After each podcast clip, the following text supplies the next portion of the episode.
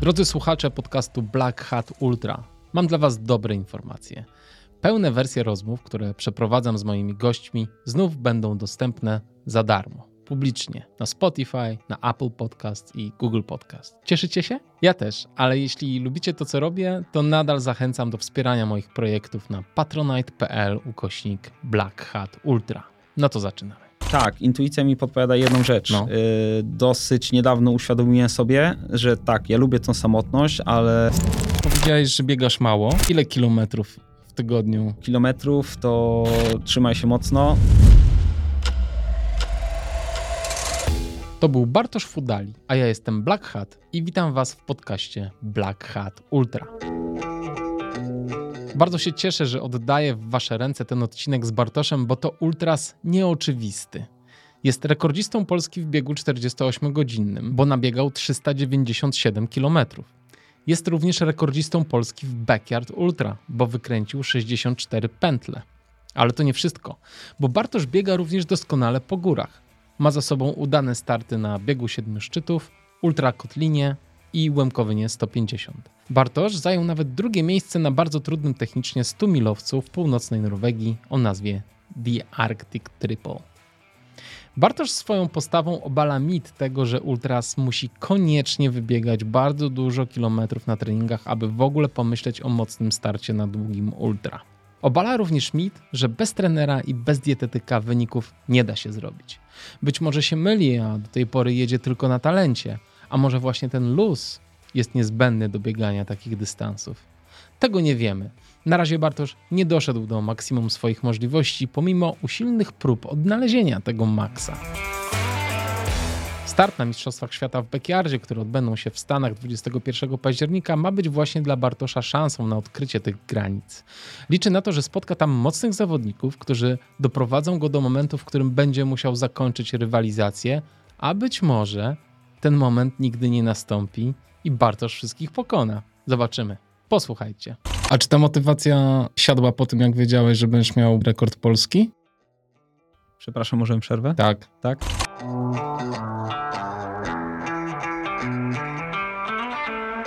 Cześć Bartosz, witam cię serdecznie. A, witam, witam i bardzo dziękuję za zaproszenie. To ja dziękuję, że przyjechałeś tutaj kawałek jednak drogi z Wolsztyna. A, ta droga to nic w porównaniu tutaj do zaszczytu, można nawet powiedzieć, uczestniczenia w twoim podcaście, także jeszcze raz y, szczerze dziękuję. Bardzo, bardzo jest mi miło. E, Bartosz, opowiedz. e, e, Spotkaliśmy się ostatnio na Bekiardzie w Jabłonnej. E, 64 kółka. Zgadza się. Mm, Gratulacje przede wszystkim. dziękuję bardzo. Trzy osoby po tej imprezie zakwalifikowały się na Mistrzostwa Świata do Tennessee. I co, pojedziesz? Przede wszystkim muszę szczerze powiedzieć, że byłem ciut zaskoczony, jak e, po imieniu się ze mną przywitałeś na trasie, bo oczywiście ciebie rozpoznałem e, przy pierwszym podejściu, e, natomiast byłem mile zaskoczony. Więc e, czy ja e, polecę? Jak biegałem, tak szczerze powiem, formuła backyard nie do końca e, przypadła mi do gustu. Biegałem dwukrotnie na Warmii i w Mistrzostwach Polski. Fakt, że obydwa te biegi wygrałem, czyli powiedzmy, że powinna mi leżeć ta formuła. Natomiast e, psychicznie to, co się dzieje w mojej głowie, ja nie chcę powiedzieć, że się nudzę. Ja po prostu nie czuję trochę tej żyłki rywalizacji. Nie mogę zyskać, nie mogę stosować standardowej mojej, powiedzmy, strategii, czyli nie mogę zyskać przewagi w początkowych etapach biegu. E, Ciut jestem wymęczony tym, tak szczerze mówiąc. Bieganiem, tymi pętlami, trochę monotonią tych początkowych etapów. Ja czekam, e, głupio to zabrzmi, ale czekam jak się skończy pierwszy etap biegu, czyli 24 godziny. E, Wydaje się to dość długi czas.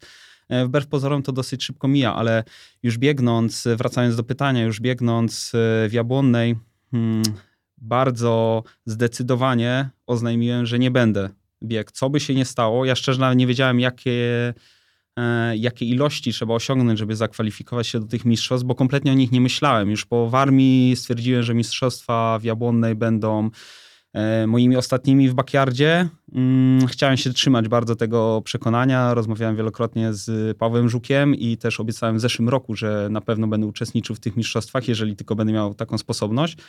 Natomiast e, hmm, Zdecydowanie, e, nawet biegnąc z innymi uczestnikami, e, głośno oznajmiałem, że nie. Że to jest to nie dla mnie. backyard. Tak, Pawłowi również tak powiedziałem. E, Natomiast tak, emocje opadły, ja ochłonąłem. trochę zdaję sobie większą sprawę z niektórych faktów, wzrasta moja świadomość i tak szczerze powiem, dobrze się czułem po tych 64. Mhm. I dobrze I, wyglądałeś. E, dziękuję bardzo. Tak twierdzą i tak widać po zdjęciach. Tak. I, I tak realnie było. Tak mhm. szczerze, startowałem z kontuzją. Y, trochę na tym ucierpiała moja prawa noga, konkretnie okolisa Achillesa y, i strona zewnętrzna nad kostką. Natomiast abstrahując od tego, bo to nie wynika z biegu, na każdym by się wydarzyło to samo. E, no myślę, że chciałbym podjąć to wyzwanie, bo bardzo się zacząłem zastanawiać, gdzie są te moje limity.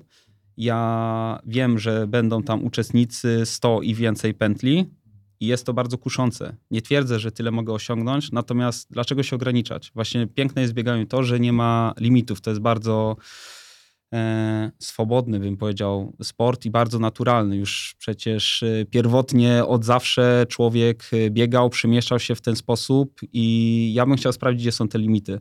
Akurat backyard jest bardzo dobrą formułą do tego typu eksperymentów, nazwijmy to, ponieważ mamy tą przestrzeń, żeby odpocząć po pętli. Tak uważasz, mm. że 10 minut to jest wystarczająco? Jest. Jak ja szanowałem każdą sekundę, każdą minutę, ja zamknąłem oko na minutę i mi się dała tak potężna ilość czasu. Otwierałem oczy, jeszcze nie było e, dźwięku, sygnału, na przykład trzeciego, że trzy minuty zostały.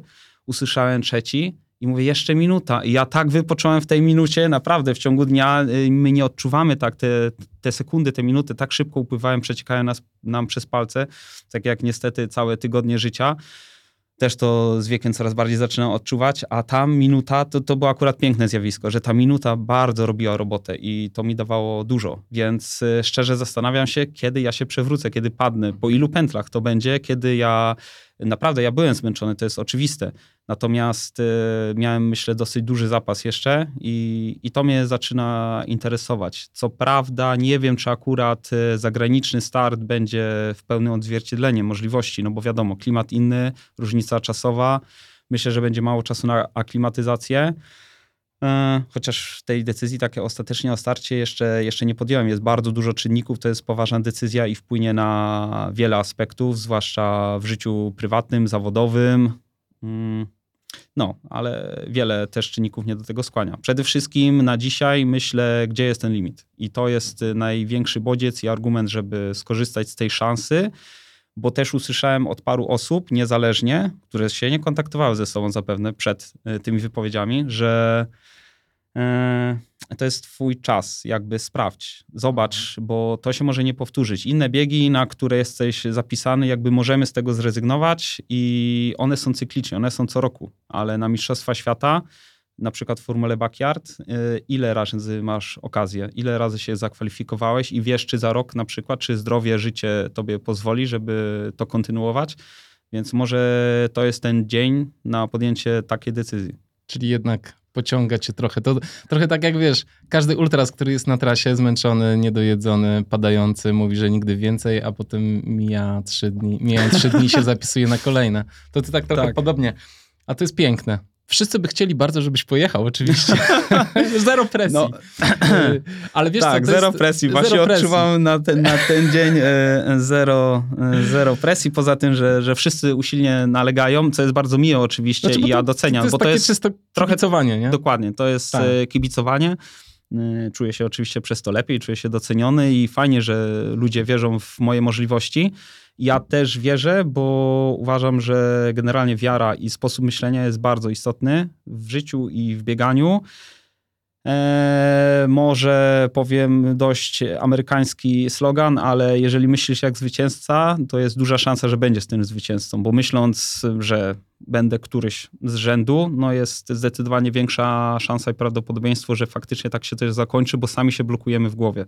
I, I ja w to wierzę i u mnie się to sprawdza aktualnie, bo myślę, startując gdzieś, ja myślę tak, żeby wygrać. Tak powiem szczerze. I to nie chodzi tutaj o kwestię skromności, czy nie. E, po prostu to jest takie ustawienie, mindsetting, to jest ustawienie sposobu myślenia i uważam, że to pomaga. I to nawet wynika ze mnie nie z żadnego coachingu, powiedzmy, mm, tylko z moich przekonań. Mhm. Absolutnie. I to jest w ogóle w ultra to jest chyba kluczowe podejście, no tak. no bo No po Jak prostu inaczej? trzeba się nie poddawać, No tak? tak. Nie zatrzymać się można, ale trzeba ruszyć dalej w tą, w tą drogę, bo ultra to jest właściwie sztuka przetrwania troszkę. E, Znajomy mówi, przyjaciel mówi, że sztuka cierpienia.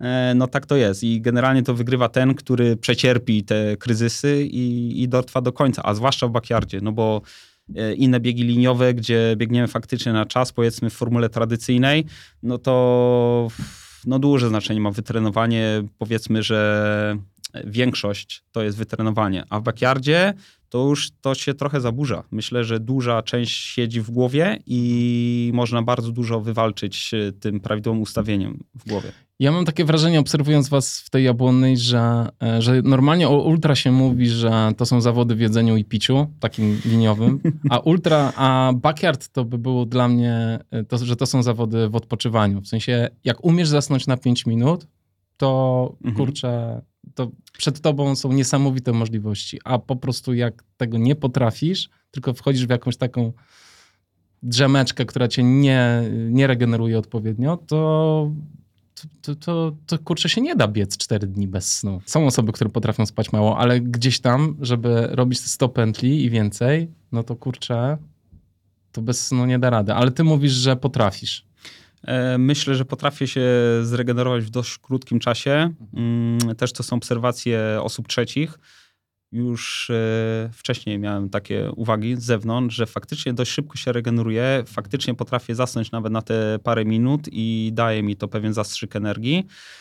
E, Z doświadczenia wiem, że ja w ciągu dnia w życiu codziennym potrafię zasnąć w randomowych miejscach, więc może to z tego wynika. E, Tak, e, tak naprawdę uważam, że jest na backyardzie dość dużo czasu, żeby się może nie zregenerować, ale jakby przynajmniej podtrzymać na odpowiednim poziomie energetycznym i poziomie wyspania. Mhm. Dobra, do backyardu jeszcze wrócimy z, z większymi detalami.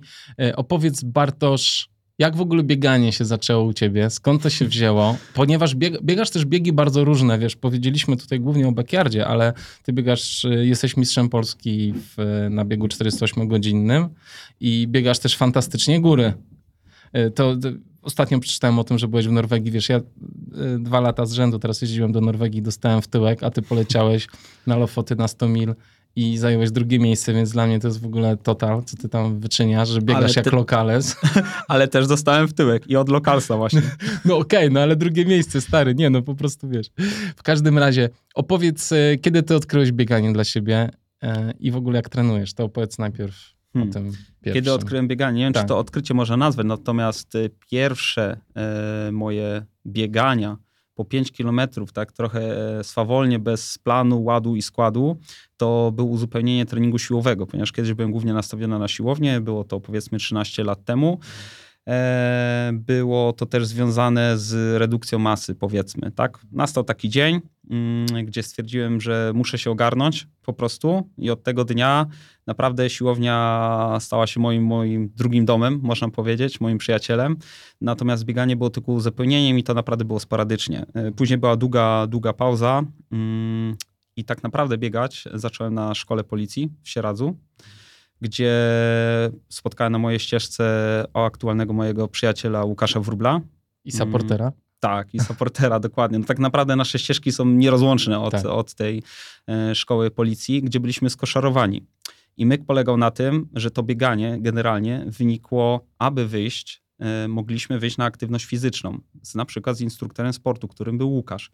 Więc się zgadaliśmy na trening biegowy, gdzie absolutnie nie byłem tutaj w linii, powiedzmy, z bieganiem na tamten czas. No i Łukasz e, generalnie mnie i grupę innych nieświadomych ryzyka osób e, wytargał na trening w terenie 15 kilometrów. E, Pamiętam go do dziś i naprawdę nie czułem się rzeźko zbytnio po tym biegu, natomiast na determinacji na tyle mi wystarczyło, żeby faktycznie przebiec te 15 kilometrów, gdzie wcześniej w ogóle biegałem piątki ewentualnie, trochę szybsze przygotowując się do tej szkoły.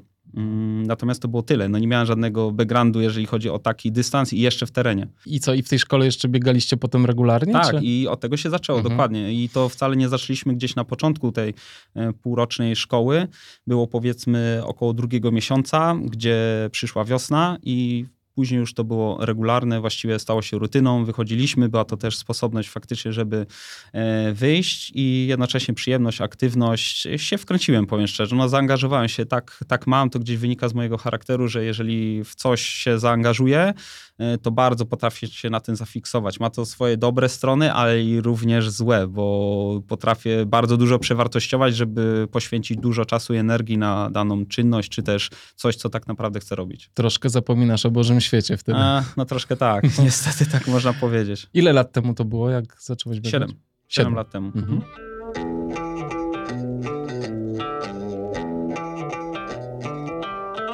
Pobiegałeś e, z kolegą i co dalej? No pobiegałem... Jakieś zawody pierwsze? Tak, pobiegałem z kolegą i już wtedy był, był plan chociażby na szybszą dychę. O ultra aż tak nie myślałem, chociaż gdzieś to tkwiło z tyłu głowy, no bo Łukasz już wtedy bardzo doświadczony biegacz. Ja od dychy i pierwszy start był gdzieś po trzech miesiącach trenowania 39-12, więc całkiem przyzwoity czas. E, oznaczało to tyle, że nie jest źle że jakby mogę iść w tym kierunku, sprawia mi to nadal przyjemność, było to komfortowe i od tego się zaczęło i tak wyduszałem dystanse, chociaż bardzo szybko wszedłem w to ultra, bo po dyszce nie przebiegłem półmaratonu, nie przebiegłem maratonu, przebiegłem od razu 55 więc cały, i też z dobrym w miarę, powiedzmy, rezultatem. Ale po płaskim czy po górach? E, to był trail. To mhm. było w okolicach Wolsztyna, bieg mhm. Gwind, z Wolsztyna do Nowego Tomyśla, więc teren, powiedzmy, pargórkowaty, ale z wyniku byłem w miarę zadowolony, chociaż też doszedłem do etapu, gdzie mnie prawie odcięło. Natomiast e, do mety dotarłem też fajnie, bo wiadomo, że sukcesy motywują. E, różnie można mówić, różnie można uważać, natomiast jeżeli jest się w czymś dobrym, to to zawsze motywuje. E, każdy chce wykonywać coś, w czym jest dobry, bo to jest fajne, przyjemne dla ciała i ducha. Mm, więc widząc kolejne podium na przykład, na horyzoncie chociażby, no to była kolejna motywacja, żeby gdzieś te dystanse wydłużać, tym bardziej, że zawsze byłem, ja nigdy nie byłem szybki, raczej bym powiedział, że jestem z tych powolnych i w życiu i w bieganiu, więc e, dla mnie im dłużej, tym lepiej, można tak e, powiedzieć. Po prostu jestem bardziej uparty. Nawet nie chodzi o wytrzymałość czy wytrenowanie, ja po prostu jestem uparty i potrafię się gdzieś na tym celu zafiksować i w miarę przewalczyć już z doświadczenia. Teraz wiem, że te kryzysy na trasie wystarczy je przetrwać, tak na dobrą sprawę, w lepszej lub gorszej kondycji kondycji psychicznej i fizycznej, ale przetrwając je, to do mety dotrę. Mówisz, że nie jesteś szybki, ale. No nie. Na pewno. ale jaki masz teraz swój personal best na 10 kilometrów? Mm, 35, no. 20. To nie parę. jest to nie jest nie pamiętam dokładnie. To nie jest bo to było w treningu. No tak, tylko że to było w treningu, no więc no tak. nie wiadomo, jak e, realnie to by na testowanej trasie było, jaki byłby ten finalny czas. No pewnie e, jeszcze szybszy, bo byś miała adrenalinkę jeszcze. Może tak, no myślę, że tak, bo to było tak e, ciut z partyzanta, niestety jak większość moich treningów, po prostu miałem mało czasu. I szczerze to musiałem wcisnąć, ten trening musiałem, to jest taki przymus dobrowolny i gdy miałem 40 minut, to akurat 35 jest idealnym czasem, żeby pobiegać. A czułem, że noga podaje, że można pobiec i to było, nie powiem, że było na hamulcu, ale na pewno czuję dużą rezerwę jeszcze, więc y, tyle, że pod szybkie bieganie trzeba trenować to jest specyficzny trening, gdzie ja nigdy na przykład tempówek nie robiłem i też uważam, a nawet jest to naukowo udowodnione, że tą szybkość trzeba wyrobić za młodu, gdzie ja za młodu, wiadomo, zawsze byłem za sportem i różne dyscypliny uprawiałem, bardziej lub mniej, natomiast e, wychodzi tutaj z tych cyfr, które wcześniej podałem, że gdzieś po 22 roku życia mhm. zacząłem biegać, więc myślę, że ten okres na wyrobienie takiej szybkości w organizmie już minął. Nie mówię, że to nie jest do osiągnięcia, natomiast y, ja zawsze podziwiam szybkich biegaczy, bo to jest tytaniczna praca i praca na detalach. A ja chcę się bawić, cieszyć bieganiem, jakby nie chcę liczyć każdej sekundy i dlatego to ultra. To Jasne. też jest jeden z powodów. Jasne. Powiedziałeś, że uprawia, uprawiałeś za młodu inne dyscypliny. Jakie to były dyscypliny? No tak, e, powiedzmy hobbystycznie, tak jak i no dzisiaj tak. bieganie. E, chyba każdy z nas, ty również, dużo czasu się na podwórku spędzało. Trochę inne były czasy. Nie chcę tutaj jak stary dziad teraz mówić, natomiast e, droga młodzieży, no, telefonu komórkowego to długi, długi czas nie miałem, e, komputera również, więc dużo czasu się na boisku spędzało. W telewizji Akurat, dwa kanały. Dokładnie, żeby, żeby dwa i żeby działał. Natomiast, natomiast e, po prostu dużo, dużo na boisku do piłki nożnej. E, akurat wtedy jeziora zamarzały i to grubym lodem, grubą taflą. Mm, z dziadkiem też na łyżwach jeździłem, czy też w hokeja. Później małą drużynę sobie skleciliśmy. E, dużo czasu w górach spędziłem, dużo czasu na snowboardzie jeździłem, nawet instruowałem parę osób, więc to była taka przygoda pierwsza z górami, a po długim, długim czasie wróciłem w góry, ale już biegając. Mhm. Fajnie, czyli aktywnie bardzo młodo Tak, spędziłeś. aktywnie to też wynika e, ze strony mojego ojca, bo on zawsze był taki bardzo aktywny. Nigdy nic zawodowo, profesjonalnie, ale bardzo dużo różnych sportów. Fajnie, bo tak ogólnorozwojowy bym powiedział. Kiedy twój pierwszy start w górach miał miejsce? Hmm. Muszę się zastanowić, powiem szczerze. Aczkolwiek była to bodajże ultra kotlina. I pamiętam, jak zastanawiałem się, przeglądając stronę, na który dystans się zapisać, bo była 80 bodajże, tak. pewnie z hakiem, i było 140. I tak pomyślałem, 140 dużo, ale 80 tak mało? No to biegnę 140. I pobiegłem. Pamiętam ten bieg do dzisiaj. Bolało? E, bolało bardzo, były mega kryzysy. W ogóle biegłem ultrakotlinę dwukrotnie. E, generalnie polecam ten bieg i nie jest to reklama. Po prostu w moim subiektywnym odczuciu to jest naprawdę dobry bieg i ja mam sentyment, bo właśnie na ten snowboard ja jeździłem w Sudety i właśnie do Szklarskiej Poręby, przez którą przebiega, a nawet i finiszuje um, ultrakotlina. Natomiast e, bardzo pamiętam ten bieg i obydwa zresztą biegi ultrakotliny, bo biegłem na totalnym wycieńczeniu. E, ja się nie spodziewałem, no bo góry były dla mnie nowością, nigdy nie trenowałem w górach i to pozostało praktycznie do dzisiaj.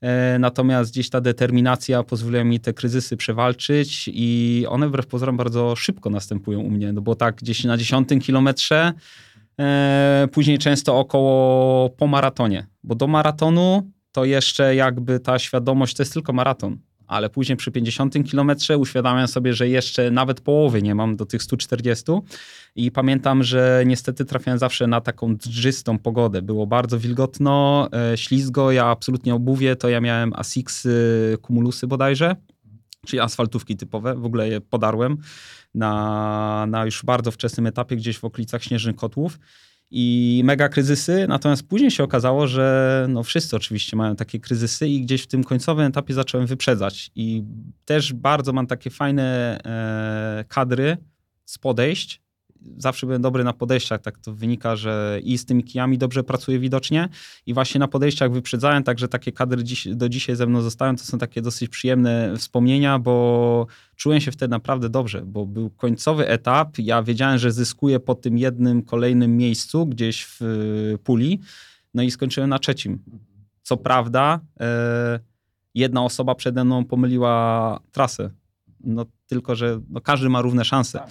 Natomiast y, trochę, trochę mi było żal, bo naprawdę widziałem, że ta osoba się bardzo, bardzo starała i ja nawet nie byłem świadomy, że biegam trzeci, tak szczerze mówiąc.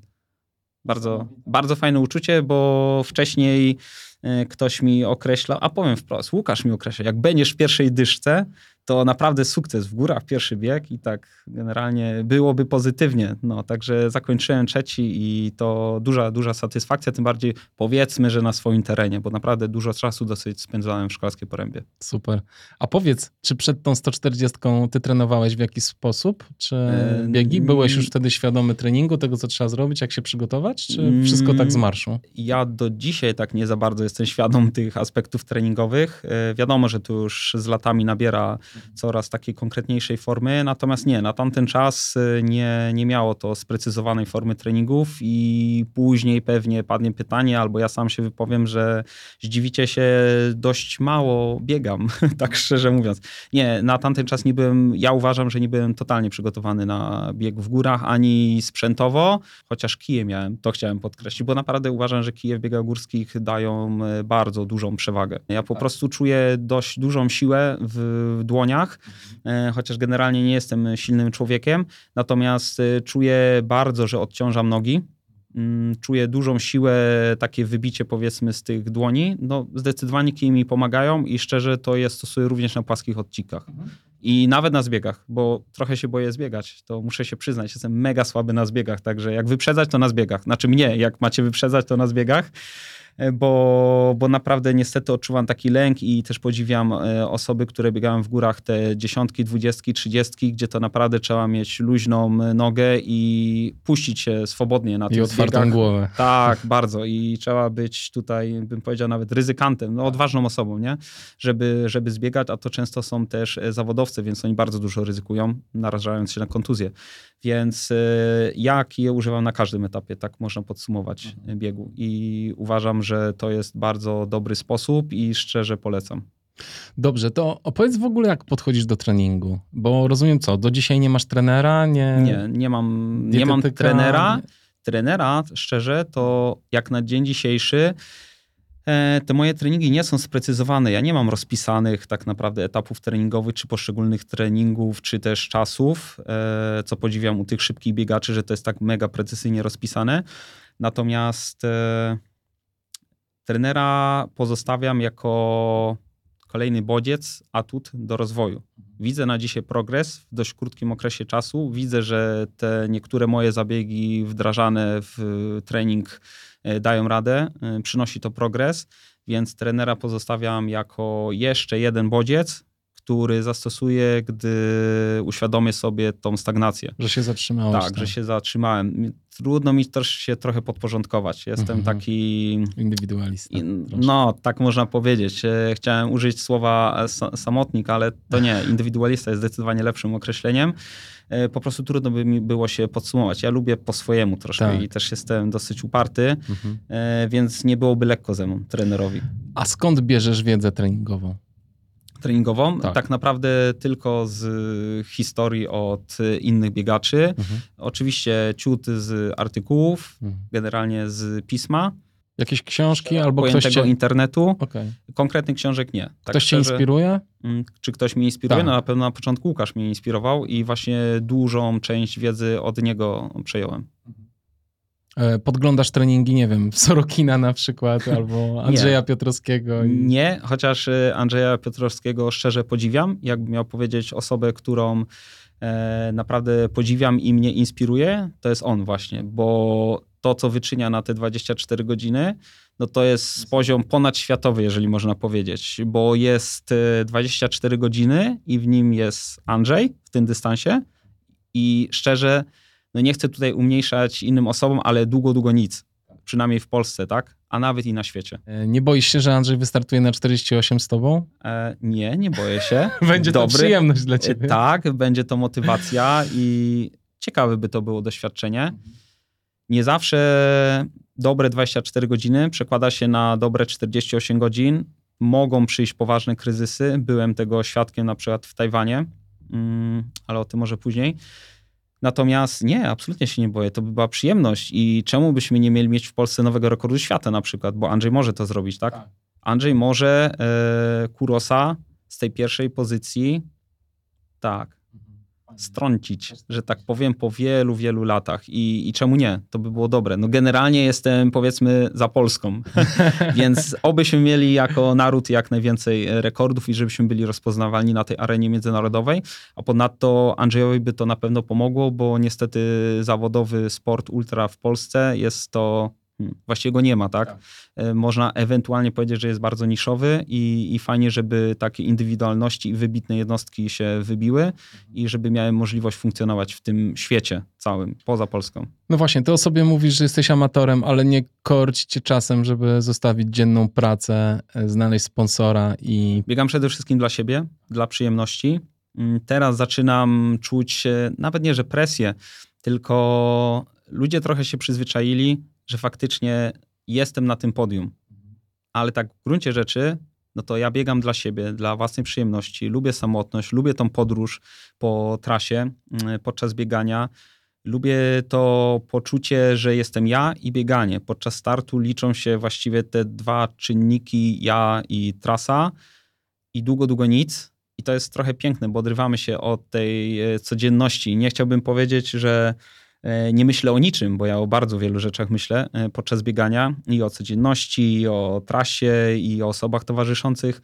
E, natomiast to jest dla mnie. I nie, nie widzę siebie jako zawodowca, tym bardziej, że ja hmm, oceniam siebie jako hobbystę, amatora Nie uważam, że moje wyniki e, promowały mnie do bycia zawodowcem. E, a poza tym mam bardzo dobrą pracę etatową, z której jestem zadowolony, sprawia mi ona satysfakcję, ma możliwość się w niej rozwijać i też firma mnie wspiera. E, firma Nordan jest moim sponsorem, także w gruncie rzeczy mam sponsora i to bardzo dobrego i wspierają, szanują, rozumieją przede wszystkim, bo to jest bardzo ważny aspekt, e, żeby, żeby było to zrozumienie. Żeby to nie było przeszkodą, żeby nie było to odbierane, że ja chcę biegać zamiast pracować, bo tak nie jest absolutnie. To jest zawsze hobby, to jest dodatek do życia, który mi sprawia mnóstwo przyjemności i faktycznie ja żyję tym bieganiem ale nie, nie, absolutnie nie myślę o zawodowstwie. Nie, nie widzę siebie w tym.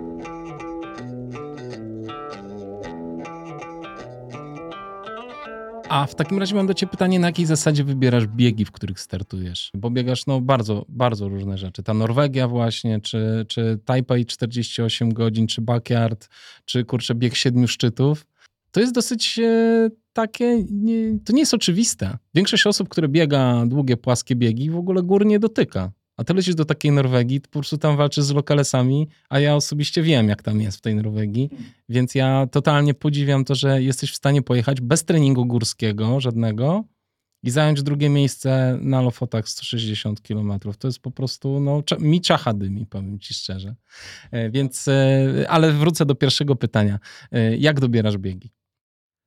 No, przede wszystkim dziękuję, bo to w sumie miłe słowa. No, jestem w pewien sposób elastyczny. Powiem szczerze, chyba nie potrzebuję tak dedykowanego treningu, żeby faktycznie pobiegać w górach, czy też biec płaskie. Gdzieś szukam siebie, tak szczerze. Chcę biegać to, co mi sprawia przyjemność i to jest dla mnie priorytet w doborze. Oczywiście na dzień dzisiejszy mm, niestety troszkę staje się tak, że poniekąd muszę bo po prostu jest to dla mnie bardzo korzystne i daje mi możliwość rozwoju, dobierać takie biegi, które mają rangę, na przykład Mistrzostwa Świata, tutaj wracamy do tego backyardu, gdzie są indywidualne Mistrzostwa Świata w Stanach, e, czy też w przyszłym roku będą na Węgrzech Mistrzostwa w, Świata w 48 godzinach.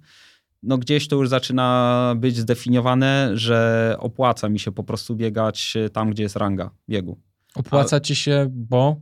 Wtedy będziesz miał poczucie, że... Dla mojego rozwoju. Dla twojego rozwoju. Tak. No tak, jak definiujesz rozwój? W tym nie ma, w tym nie ma pieniędzy. Tutaj ja wiem, bym, ja wiem. Ja, ja, bym chciał to, to jasno, jasno zaznaczyć niestety i dobrze o tym wiesz. I myślę, że większość z osób również biegających ultra.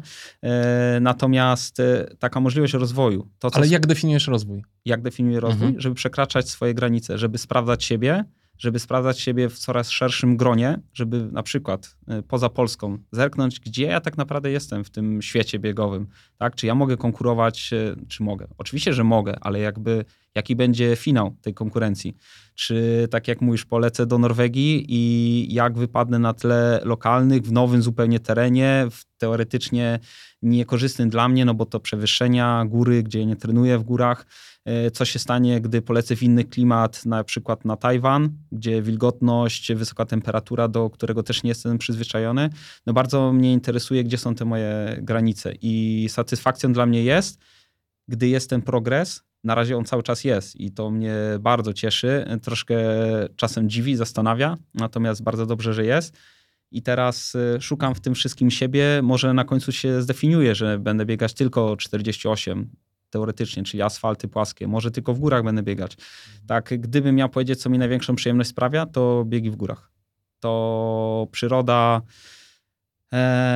taka samotność na tym szlaku. To, że długo, długo nic przede mną, długo, długo nic za mną, jestem otoczony tą przyrodą, jestem sam przed siebie i dla siebie, to, to mi sprawia bardzo dużą przyjemność.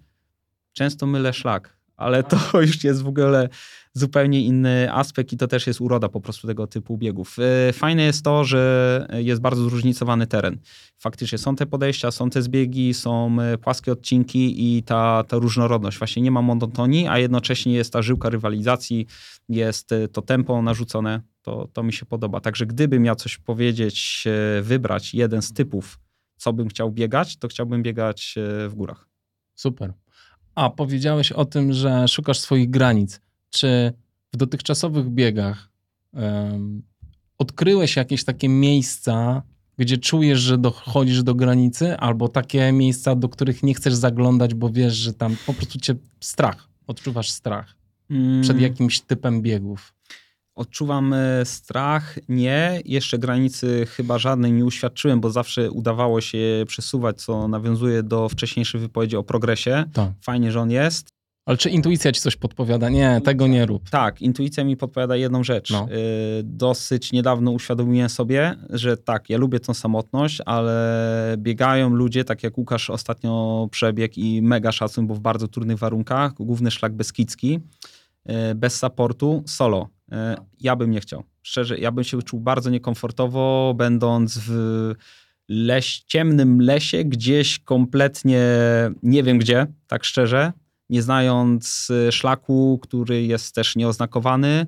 Tak samo na biegu Kreta chyba też nie czułbym się tak komfortowo. Ja jednak y, potrzebuję trochę takiej linii, po której mogę, tak swoboda swoją drogą, ale jednak fajnie jak jest to oznakowanie, jest ta linia, po której mogę biec, bo inaczej czuję się taki trochę zagubiony w tej przestrzeni.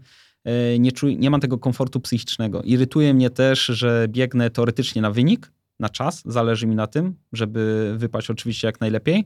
Natomiast może mnie zgubić taki, mm, nie że głupi błąd, ale po prostu nieznajomość trasy. Czyli coś, Czyli nawigacja jest... po prostu. Tak, dokładnie, nawigacja. Czyli Bo to uważam, chcesz się że... skupić na biegu, a nie po prostu Tak. na tym, gdzie masz biec. Tak, dokładnie. Chcesz mieć tu jasno wyznaczone. Tak. Mhm. No tak, to jest zrozumiałe. I to jest mój, mój lęk i nie chcę tam, właśnie tam nie chcę zaglądać. To, co Fajnie. dobrze określiłeś, nie chcę zaglądać e, w biegi solo na przykład po głównym szlaku beskidzkim. Mhm. Także jestem aż tak osamotniony w miejscu, którego nie znam. Nie jest to jasno wytyczony szlak, znaczy jest, bo jest oznakowany, tak? Natomiast wiadomo, że po którejś nocy bez snu to łatwo, łatwo zabłądzić. Zresztą biegliśmy z Łukaszem główny szlak sudecki, mamy FKT e, w formule bez supportu i była to bardzo fajna przygoda, Mm, natomiast e, bez Łukasza bym tego nie biegł. Opowiedz troszeczkę o Tajwanie. Jak tam było? Ej, Co w ogóle spowodowało, że chciałeś tam pobiec? Na początku też nie chciałem, bo w ogóle e, dostałem zaproszenie z Międzynarodowego Związku Ultramaratonu mm, poprzez Jacka. I tak szczerze, po prostu ja nie znałem osoby. Jakby kojarzyłem, ale to zaproszenie potraktowałem na zasadzie wejdźmy, jedźmy i pobiegnijmy. Tak towarzysko. I odmówiłem. Od strzała, od razu. Odciąłem temat.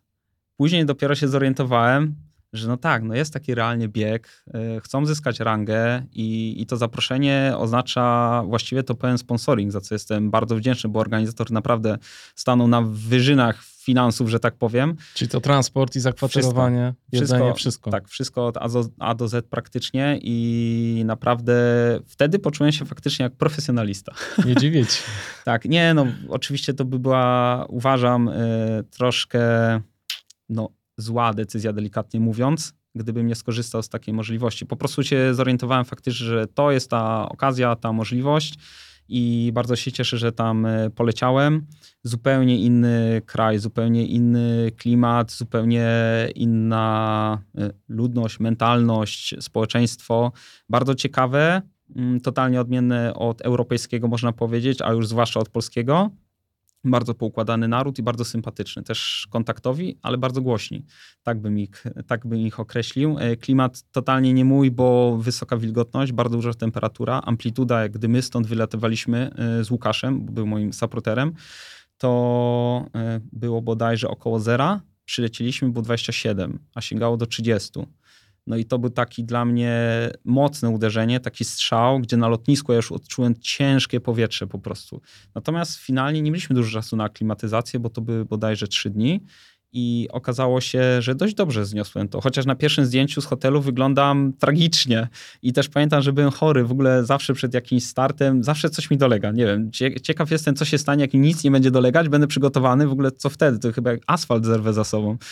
Ale, ale tak się jeszcze nie zdarzyło i może się nigdy nie zdarzy, że trafię na ten dzień.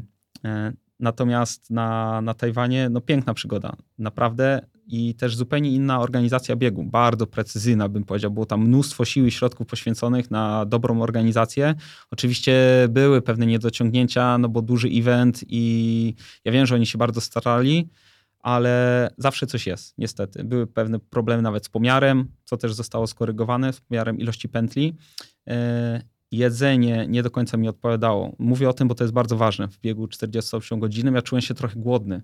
Jak tam lecieliśmy, to ja tak naprawdę nie wiedziałem, co można. E, pytałem się Andrzeja, właśnie rozmawiałem z Andrzejem mm, wcześniej o tym i bardzo dziękuję mu za pomoc, bo bardzo dobre rady mi e, polecił i na przykład zacząłem bardzo dużo z sauny korzystać, wówczas parowej. Myślę, że to też przyniosło swój efekt, e, chociaż ciepła nie lubię, ale musiałem się trochę z nim obyć, ciepła i wilgotności. Jedzenia trochę się baliśmy tam wieść. Nie było do końca tak sprecyzowane, co można przywieźć, czego nie można przywieźć, a oczywiście też ograniczona ilość bagaży.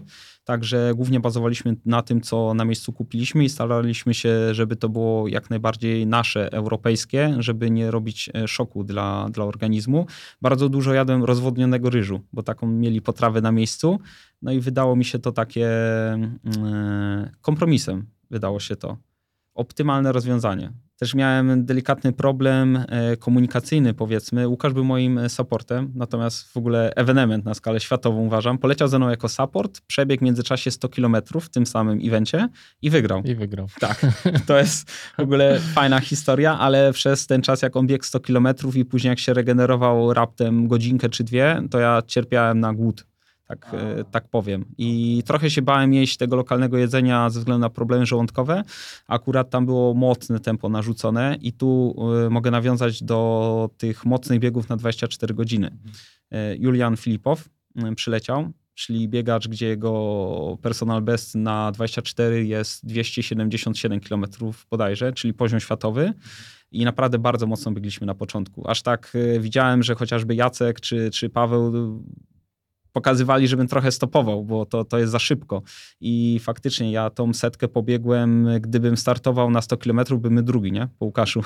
Więc dosyć szybko pobiegłem. E, w ogóle mój rekord na 24 godziny jakby wcześniej biegłem tylko raz 24 godziny i wiele lat temu, powiedzmy, e, w skali tych 7 lat, gdzie biegam, więc e, może nie jest to jakiś niesamowity wynik, ale jak na split w 48, to wykręciłem 230 km. No i okazuje się, że generalnie mnie to promuje na Mistrzostwa Świata też w Taipei, notabene, e, do kadry narodowej, mm, te 230 kilometrów. No i później zaczęła się niestety, zaczęły się problemy. Zaczęła się taka trochę stagnacja, a później nawet regres, bo tak naprawdę w porównaniu do poprzednich moich biegów, gdzie też tylko dwa razy biegłem 48 godzin, to przebiegłem w drugiej połowie, czyli w drugim dniu, e, znacznie mniej kilometrów no tak wynika z matematyki, że jak 230 w pierwszym dniu, no to w drugim przebiegłem e, o parę kilometrów mniej niż 170, gdzie w poprzednich dwóch zawsze przebiegałem więcej niż 170. Więc faktycznie mnie to zmęczyło. W ogóle bardzo ten, ten klimat odczułem w nocy, co mnie zdziwiło, gdy temperatura spadła nieznacznie, ale nadal temperatura mojego ciała była bardzo wysoka. Czułem, że po prostu mam stan zapalny, gorączkę. Bardzo się czułem wycieńczony tym, tym dniem, gdzie było wilgotno i ciepło, a w nocy mnie to dobiło, bo ja normalnie w nocy nadrabiam zazwyczaj kilometry. Bardzo dobrze mi się biega, gdy jest chłodniej y, i tam nie było tego okresu, czyli nie było mojego najlepszego jakby okresu w, mhm. w ciągu dnia. I też pewnie tam. w nocy wilgotno. Tak, wilgotno mhm. i co mnie zdziwiło, wiało, bardzo mocno wiało. Ja tak to przynajmniej odbierałem. Na początku był deszcz, e, dosyć intensywny, e, bardzo wiało, co też wiadomo, że nie pomaga przy bieganiu. Po prostu to mnie akurat zdziwiło. A na jak długiej pętli biegaliście? Bardzo krótkiej, 620 parę metrów. Bardzo no nie jest to bieg po traku, czyli na stadionie mhm. na przykład, mhm. gdzie tam jest 400 bodajże. Mm, natomiast i tak to jest bardzo krótka pętla. Jest. Tak. Ojejku. No ojejku, właśnie, taka chomicza, no właśnie. taka chomicza pętla i to się wydaje w ogóle szalone dla, dla osób, które słuchają. E, natomiast trzeba sobie zdać sprawę, że no to była optymalna dla nich, tak? Miejsce było bardzo tak. fajne, było to w parku, w powiedzmy centrum miasta, jeżeli tak można nazwać. E, też było trochę cienia, bo było pod drzewami. E, natomiast jest to taki dystans mierzalny, oni ewidentnie byli nastawieni na wyniki, więc łatwy do kontroli, łatwy do mierzenia, łatwy do supportu, łatwy do wsparcia medycznego. Było to bezpieczne. Generalnie uważam, że te biegi po pętli są bezpieczne. To są takie wręcz laboratoryjne warunki, e, w których jeżeli ktoś chce właśnie sprawdzić swoje limity, zerknąć, ile ja tam przebiegnę w te 24 godziny, to ma cały czas dostęp do wsparcia, do żywności, do pomocy medycznej. Cokolwiek się nie wydarzy, może nawet się położyć i w tej strefie supportu wstać po trzech godzinach i biec dalej. To jest zupełnie inny komfort niż bieg liniowy właśnie w górach na przykład. Absolutnie. Gdzie od punktu do punktu jest 20 kilometrów i co wtedy, jak nas zastanie noc, deszcz, głód, kryzys energetyczny, a my jesteśmy w ogóle, gdzie my jesteśmy? Ja nie wiem. No. Słuchaj, czy biegliście zawsze w jedną stronę? Tam w tej, na Tajwanie? E, czy nie, i to jest fajna odmiana od hmm. chociażby biegów w Polsce, bo był rewers po bodajże 8 godzinach i to bardzo dobre odciążenie danej stopy, tak. nogi. Ja zazwyczaj mam problem ze stopami, ale nie z obrzękiem stóp, o powiedzmy. To nigdy nie mam odparzeń, e, problemu z paznokciami nie mam. Fajną mam urodę tych stóp, powiedzmy, jeżeli tak to można określić, bo naprawdę ja nie mam w ogóle problemu ze stopami, poza tym, że one bolą no ale ten ból da się, da się przecierpieć. Jak I... byś ten ból opisał? E... One są, jakby cała stopa jest taka obolała, nie, taka zbita? Czy... Na, najczęściej to jest albo okolice stawu skokowego, albo to jest wierzchnia część stopy, czyli tam, gdzie sznurówki przypadają. Ale już, już e, powoli znajduję na to metodę i jestem też z tym obyty, przyzwyczajony. Wiem, że to jest i to minie i to mi jakiejś wielkiej krzywdy nie zrobi więc e, da radę z tym przetrwać, ale właśnie ten rewers, zmiana kierunku bardzo w tym pomaga. No nie obciążamy cały czas jednej nogi, bo na przykład w, w Polsce, w Pamięnicach e, też znakomity bieg, ale biegnie się cały czas w jedną stronę, to na pierwszym, moim w ogóle pierwszym biegu 48-godzinnym, totalnie mi odcięło prawą nogę, bo cały czas się skręcało w prawo. Ja sobie tak tłumaczę, może były inne aspekty, natomiast potwierdzają to relacje też innych uczestników i generalnie innych biegaczy po pętli, no już ją po prostu powłóczyłem, nie? Ja ciągnąłem tą nogę, ona już No i ta pętla w Pabianicach też nie jest za długa, ona ma kilometr 200? 1700. 1700. No. Mhm. Jest, bym powiedział, taka, taka optymalna. Mhm.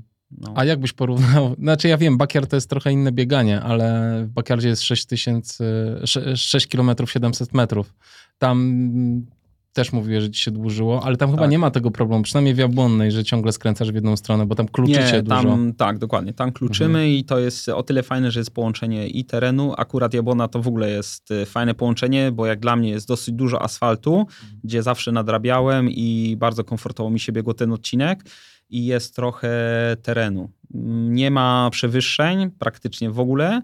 E, delikatne podejścia właśnie, żeby sobie przejść do marszu, co też odciąża, odciąża nogi i powoduje inny ruch, co jest korzystne generalnie dla całego organizmu.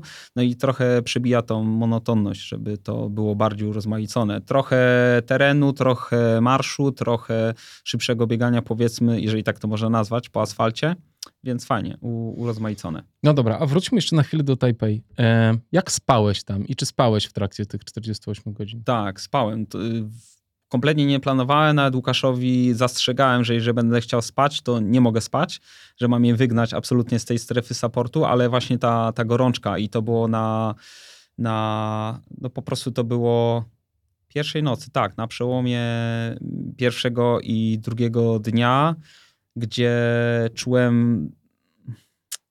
To był taki kryzys, że wiedziałem, nic nie zyskam idąc, bo bym się snuł od linii do linii tak naprawdę i bardzo mało bym zyskał tych kilometrów, a bym się kompletnie nie zregenerował. Więc y, usiadłem na 15 minut po prostu i obudzono mnie. Później wybiegłem, fajnie rozbudziłem się. Wiadomo, że ten pierwszy rozruch zawsze jest y, taki e, uciążliwy, nazwijmy to, ale dużo mi to dało. Te 15 minut snu dużo mi to dało. Myślę, że to była bardzo dobra decyzja i, i błędem by było, gdybym faktycznie uparcie dążył do tych kilometrów idąc. Mhm.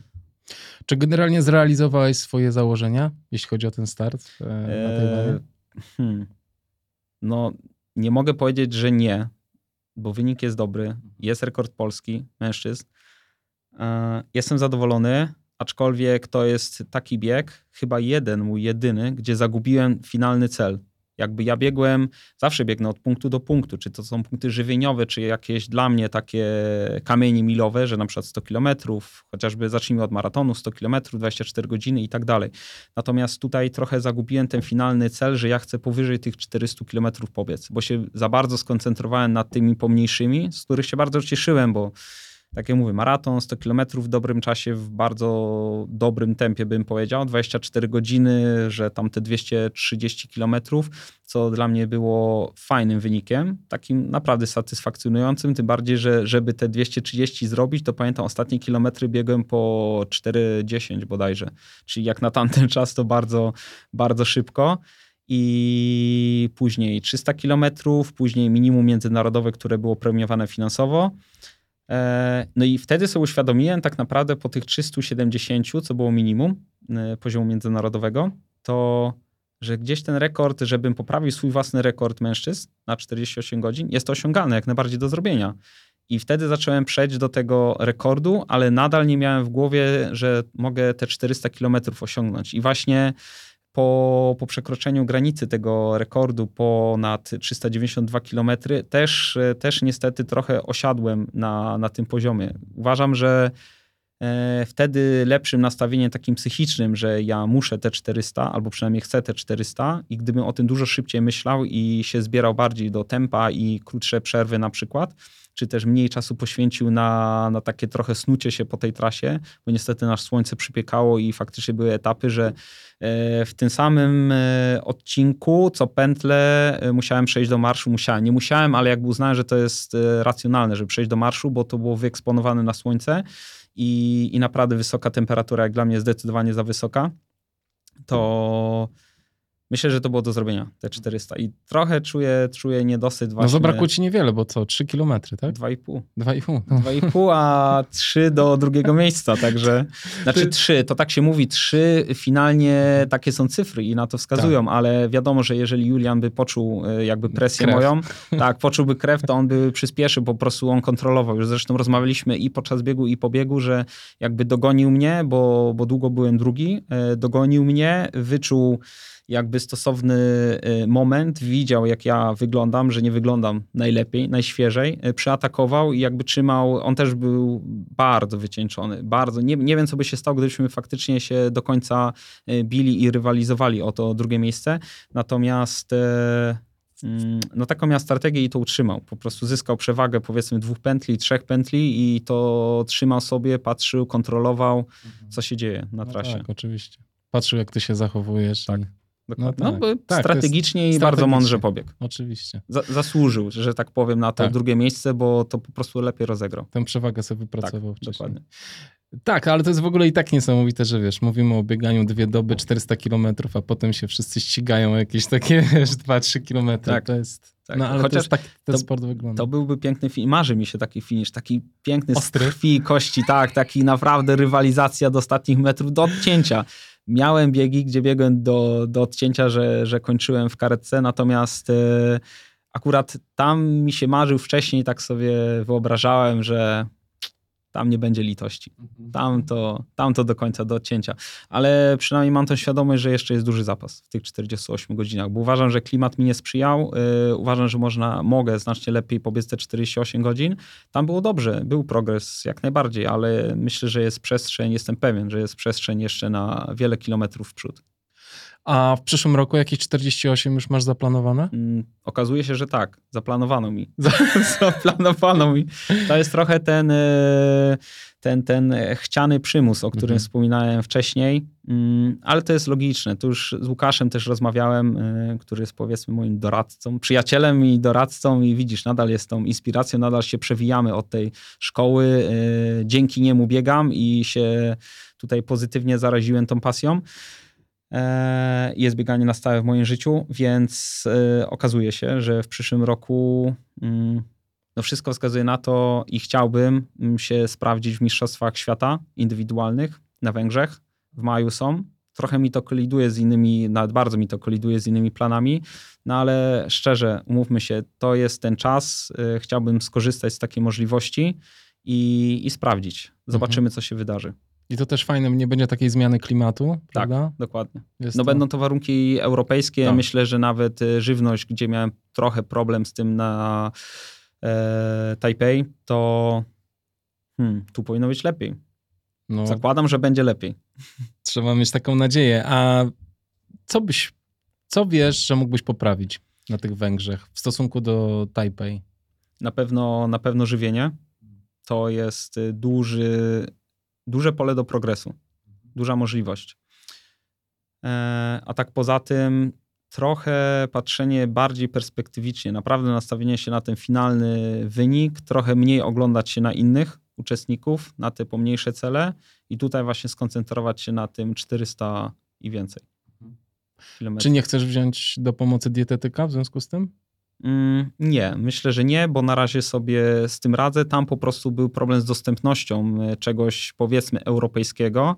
E, no i szczerze, po prostu Łukasza nie było, bo bieg i chwała mu za to. Bardzo się cieszę, że pobiegł i jeszcze wygrał. E, natomiast po prostu przez te godziny, a to sumarycznie wyszłoby, że 12 godzin, no nie miałem supportu, więc trochę było to dla mnie problematyczne. A to jeszcze dopytam, co by Łukasz robił, gdyby był?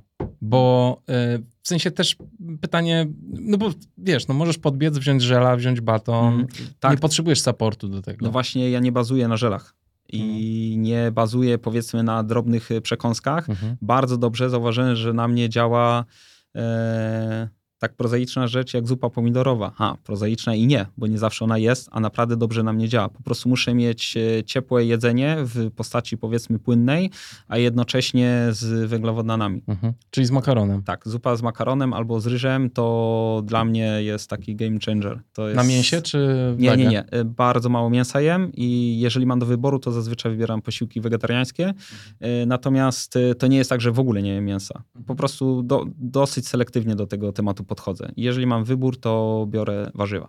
A jak jesz mięso, to jakie? Jeżeli je mięso, tak. to kurczaka. Kurczaka. Tak.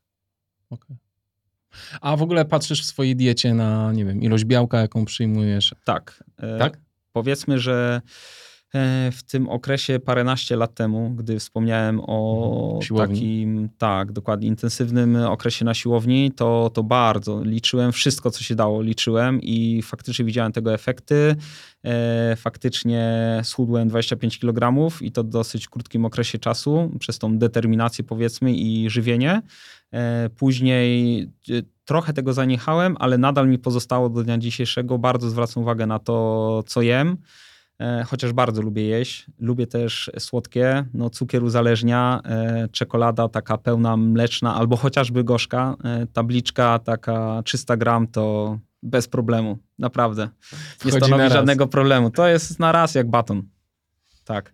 E, więc zwracam uwagę na dzisiaj, co jem. Nie liczę kalorii, nie liczę mikro, makroelementów, nie liczę e, nie liczę białka na przykład, natomiast zwracam uwagę, żeby to białko było i żeby było w większej ilości, no to też wspomaga regenerację. Czyli rano robisz treningi czy wieczorem? Różnie. Tak szczerze, jak mam czas, y, nie mam dokładnie sprecyzowanych i rozpisanych, nie mam kalendarza, że danego dnia muszę przebiec tyle w takim tempie o danej godzinie. Mhm. Y, staram się do, dostosowywać do, do życia. Jakby najpierw jest życie, praca, później jest bieganie, mhm. y, no ale oczywiście chcę, to jest taki przymus dobrowolny. Ja chcę biegać i, i staram się, jeżeli e, muszę, no to ja wyjdę biegać o 23.55. Mi się liczy wtedy, że tego dnia zacząłem biegać. No tak. E, no, no dobrze, czy... ale to jak, e, zastanawiam się jeszcze, jak ty czujesz, że zjadłeś odpowiednio dużo danego dnia? Jak to sobie, jak to sobie planujesz? Nie tu, nie, tu nie planuję tego, nie. naprawdę. Po prostu zwracam uwagę, co jem. Mm, chciałbym, żeby to było jakościowe jedzenie. Mhm. E, sam przygotowuję posiłki. Tak. Nie... I starasz się nie być głodny pewnie. Tak, staram się po prostu nie być głodny, chociaż Ale jestem często, cały czas podjadasz głodny. często, czy raczej trzy duże posiłki? nie, nie, e, staram się jeść regularnie, rozbijam to na przykład na sześć mniejszych posiłków, chociaż e, często bywa tak, że to są większe posiłki, tylko ja przez to zwracając uwagę na to, co jem, to tak naprawdę nie są to bardzo kaloryczne. One są może objętościowo duże, ale nie są bardzo kaloryczne posiłki. A poza tym dość dużo przepalam, no jednak jestem aktywny w ciągu dnia, nawet nie mówiąc o bieganiu tak generalnie. Każdy z nas jest aktywny, dużo niestety obowiązków, trochę natłok tych obowiązków i życia codziennego, więc uważam, że to też są takie, nie zawsze się na to zwraca uwagę, ale my wtedy palimy kalorie. No jasne. Oczywiście. Ale no dobra, to mnie zaciekawiło, że ty nie liczysz kalorii nie. i że. Ale. Mm, Dobrze, to jak wyglądają twoje posiłki? Tak jakbyś mógł powiedzieć e, generalnie, co jesz? Dużo warzyw? Że powiedziałeś, że nie są kaloryczne te twoje. Tak, tak. To duże- znaczy, że co, że y, nie ma tam, nie są zbyt tłuste, tak? Tak, czy, zgadza się. czy mało węglowodanów? Jak, jak to? Zdecydowanie mniej tłuszczy, chociaż w niektórych posiłkach akurat z tłuszczami to niestety przesadzam. Lubię masło orzechowe, y, lubię orzechy, chociaż nie zawsze dobrze na mnie wpływają, więc przed startami na przykład nie jem orzechów. Nie jem czekolady, nie jem orzechów, bo źle wpływają na trawienie. E, To już z doświadczenia wiem. E, Posiłki. Ja nie potrzebuję na przykład sosów, które dostarczają mnóstwo kalorii. Też je trzeba przygotować, więc dla mnie e, suchy ryż chociażby z kurczakiem. Już trochę się obyłem z tym smakiem. Ja lubię to, naprawdę lubię i uważam, że to jest wartościowy posiłek. Jeszcze z warzywami dodatkowo, to jak najbardziej. E, Bardzo dużo jajek jem. E, Jadąc do ciebie, jadłem serek wiejski z bananem po prostu. Więc też mega proste. Lubię bardzo płatki owsiane. E, Jem dużo nabiału, to na pewno. I dużo, chciałbym jeść dużo makaronu, natomiast to różnie niestety bywa. Jem dużo pieczywa, co no nie do końca ponoć jest dobre, natomiast ja bardzo lubię. No to też nie jest tak, że nie chcę popaść w kierat i taką e, rutynę z tą żywnością. Chciałbym, ja jem i lubię jeść i będę jadł dużo, zawsze. Fajnie, fajnie. Czyli jednak tych węgli jest dużo, jest dużo, Dużo jest jest dużo białka też w, w mleku, w śmietanie, Tak. w serkach. Nie jestem wszystkim. specjalistą od y, żywności. E, Kiedyś, gdy faktycznie wszystko liczyłem i bardzo wnikałem w skład i wczytywałem się, to, to na pewno to lepiej wyglądało w skali miesiąca i roku. Natomiast y, teraz i bywają bardziej takie swawolne okresy, gdzie ta czekolada wiedzie. Mm, Natomiast generalnie bilans uważam, że jest y, pozytywny. Nie jestem specjalistą, być może na pewno bardzo dużo błędów żywieniowych popełnia, można by to poprawić i pewnie też dotrę do tego etapu, gdzie z dietetykiem się spotkam, gdzie będzie ta dieta bardziej określona, sprecyzowana i pode mnie przy, przynajmniej zindywidualizowana. Alkoholu jakiś wprowadzasz w diecie, czy kompletnie nie? W diecie alkohol e, mało piję. Tak naprawdę mało piję, jeżeli już to piwo, czyli powiedzmy te lżejsze alkohole. E, natomiast nie przepadam aż tak za tym smakiem, żeby to było regularnie. Tak naprawdę piję do towarzystwa.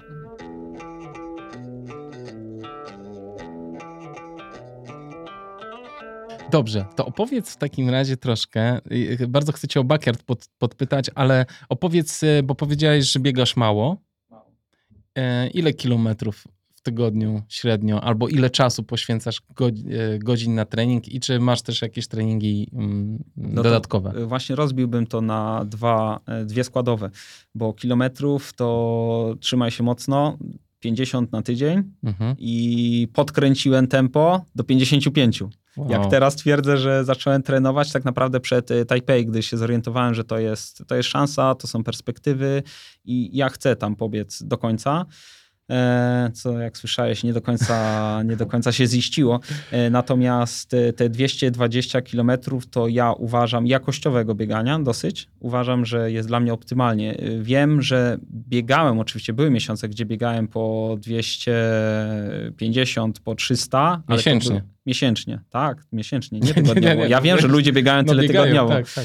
ale dla mnie to, to, to jest zdecydowanie przesada. Wiem, że dla mojego organizmu i generalnie dla stawów, bo też już zaczynam odczuwać problemy, zre- zresztą zawsze miałem e, też artroskopia kiedyś na, na prawe kolano, trochę to wynikało pewnie z piłki nożnej, trochę z tego snowboardu, no bo prawa jest dla mnie wiodąca i muszę szanować trochę te stawy, generalnie organizm. Mm, Wiem, że przetrenowanie dla mnie jest dużo gorsze niż taka powiedzmy dla większości osób mała ilość e, kilometrów. Przetrenowałeś się kiedyś? E, Tak, myślę, że jak biegałem te parę miesięcy raptem w życiu po 300 kilometrów, to czułem się wycieńczony.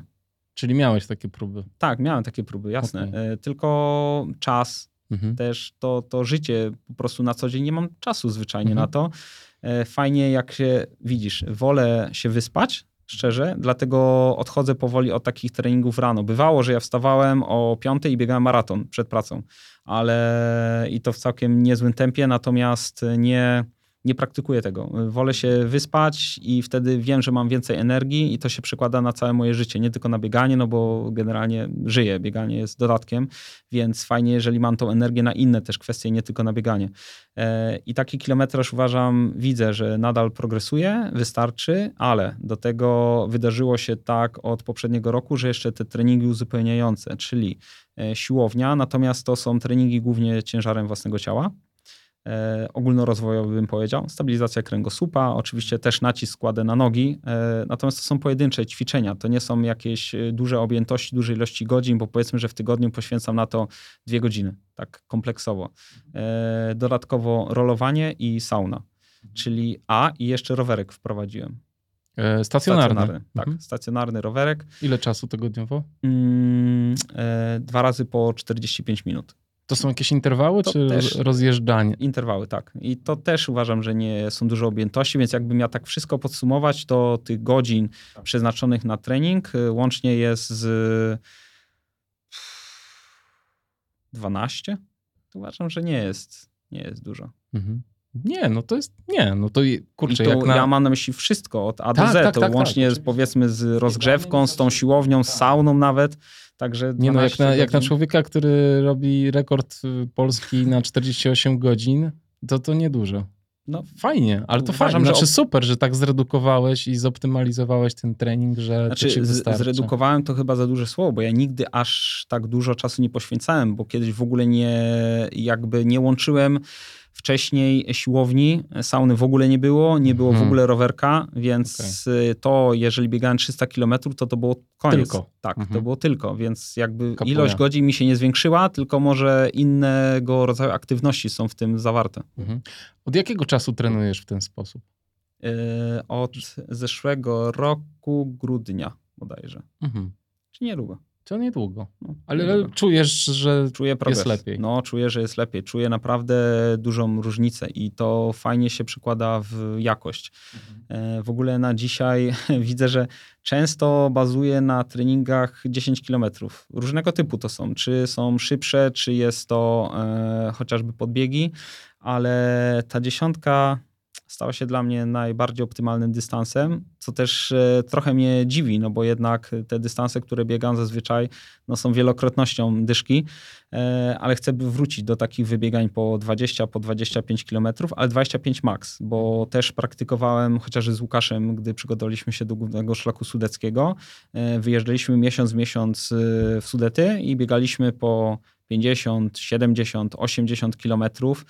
E, Fajnie, ale też uważam, że to było trochę wycieńczenie dla organizmu. Nie, nie przynosiło to takich efektów, jakbym e, oczekiwał. Myślę, że krótszymi treningami, ale takimi e, rzetelnymi.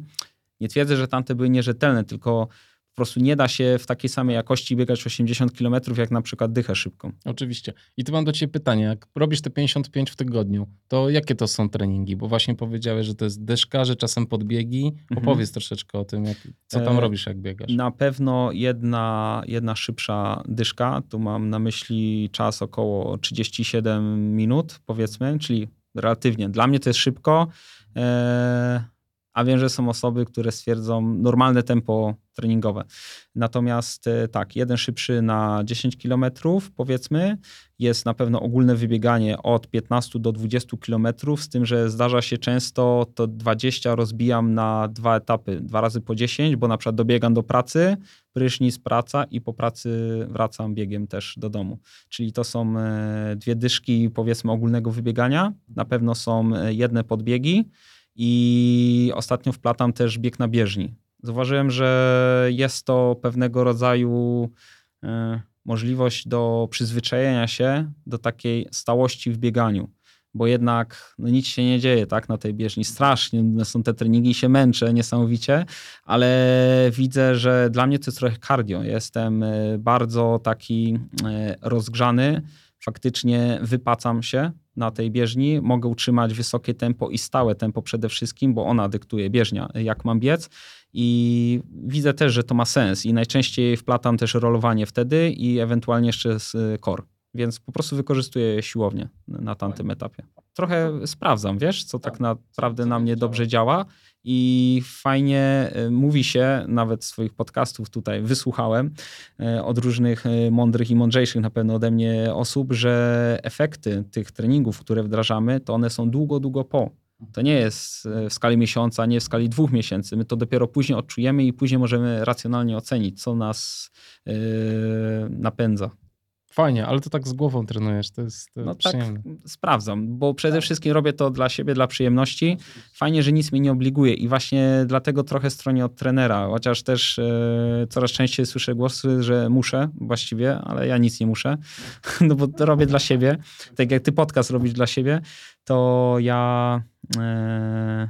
Poza tym też nie ma gwarancji, że trener, którego weźmiesz, od razu ci będzie y, odpowiadał. Tak, oczywiście, no to też to jest, jest długa pewien, droga. To jest też pewien proces. Ten musi znać e, tak. daną osobę i to bardzo dobrze znać, żeby faktycznie dobrze na niego wpływać, żeby te nie e, ogólnodostępne takie porady, dobry trener jest, musi być indywidualnym. Tak? Pod każdego musi się nawet nie, że dostosować, ale musi mieć metody na każdego. Absolutnie. A mi by było troszkę trudno się dostosować. Na razie jest dobrze tak, jak jest. No właśnie, ty ze swoim indywidualizmem musiałbyś mieć kogoś naprawdę, kogo głęboko chyba szanujesz. Szanujesz jego metody trenerskie przede wszystkim, co nie? Żeby móc powiedzieć, dobra stary, widzę, że jesteś w tym lepszy, zaufam ci.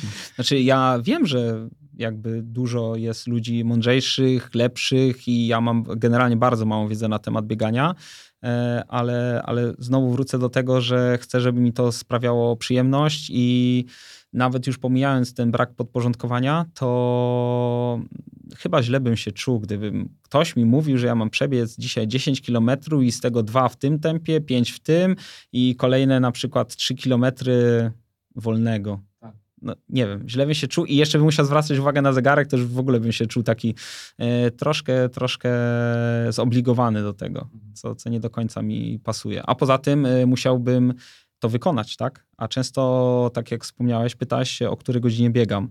No to nie zawsze jest możliwość, żeby wykonać. Rano mogę myśleć, że przebiegnę szybkie 10, no ale później się okaże, że nawet na to nie mam nie mam e, czasu, więc w ten dzień spasuję, zrobimy go dniem regeneracyjnym albo pasywnym i następnego dnia pobiegnę, co już by się kłóciło z planem treningowym.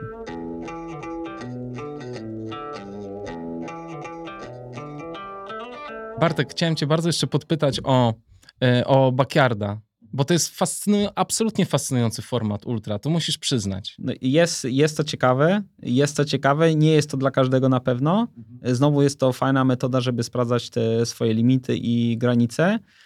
Eee, no bywa to męczące. Znaczy jest to męczące, to nawet jest fakt niepodważalny. Dla mnie ten bieg zaczyna się fajnie, jak już jest 48 godzina, gdzieś się klaruje ta stawka, już wiem z kim konkuruję i wtedy zaczyna się dla mnie... Szachy się zaczynają. Tak, zaczyna się ta partyjka szachów, już te pionki idą w ruch i powoli gramy. Bakiar to dla mnie jest bardzo duża gra psychologiczna. To jest naprawdę bardzo dużo można ugrać e, psychologią.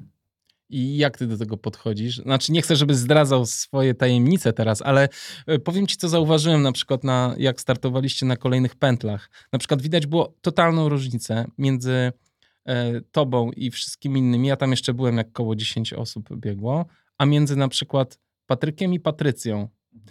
E, większość osób się gromadziła normalnie na starcie i sobie gadali fajnie ten i czekali na wybicie, a Patryk i Patrycja w ostatniej chwili jakby wiesz, w ostatniej chwili wstawali z krzeseł i buch, wiesz, przelatywali przez metę w odpowiednim momencie, jakby znikąd się pojawiali. I zastanawiam się, jak ty do tego podchodzisz, bo widziałem, ty, że ty byłeś bardziej duszą towarzystwa, uśmiechałeś się, gadałeś, w ogóle super fajnie, ją ziomeczki i potem lecisz. E, jak ty to czujesz? Czy to jest element twojej taktyki? Ty potrzebujesz tego kontaktu? E, czy jak ty to mm, czujesz i odbierasz? Przede wszystkim oni podeszli do tematu bardzo profesjonalnie. To, że wychodzili na ostatnią chwilę, ostatnie sekundy, Patryk to w ogóle rekord, bo on potrafił 3 sekundy przed startem wbiec w ten koral. E, no to to jest e, oznaka ich świadomości i profesjonalizmu. Nie tracili energii, tak szczerze mówiąc, bo rozmowy też na dłuższą metę, jak już się rozmawia przez na przykład 64 godziny, to też jest to pewien zasób energii, zużycie kalorii i tak dalej. E, no, ja po prostu się dobrze czułem. No, jakby nie odczuwałem takiej potrzeby, żeby siedzieć do ostatniej sekundy. Mhm. Też bywam trochę niecierpliwy, więc fajnie, jak już byłem w tym koralu, do ostatniej sekundy może bym się stresował, że a nuż nie zdążę. Natomiast e, też było dużo osób znajomych. E, ultra środowisko jest, e, nie chcę powiedzieć hermetyczne, ale jednak. Niewielkie. Niewielkie. Tak, relatywnie niewielkie w porównaniu do całego środowiska biegowego. Przewijają się te same osoby, te same twarze. E, no faktycznie parę osób mnie rozpoznaje, e, z paroma osobami się spotykałem na poprzednich biegach i miło było spotkać, porozmawiać, no fajnie i to też umila czas, e, przyspiesza przepływ tego czasu, bo tak jak mówiłem, trochę mi się dużą te bakiardy, a tak było sympatyczniej, życzliwiej i, i, myślę, że tak to powinno, powinno, w mojej ocenie tak to powinno wyglądać. Tym bardziej, że tam do 48 okrążenia no to nie było jakiejś rywalizacji, bym powiedział. No po tak. prostu to no, było bieganie. No dobra, słuchaj, ale czy to jest element, y, twoje zachowanie na, przy starcie, y, takie otwarte i uśmiechnięte, czy to jest element twojej taktyki, czy ty mentalnie się ładujesz troszeczkę, łapiesz kontakt z ludźmi i generalnie starasz się pobudzić albo po prostu miło spędzić czas, czy pomagać to w biegu, czy gdybyś był zmęczony, to byś też właśnie zaczął się oszczędzać i wpadać na metę na końcu?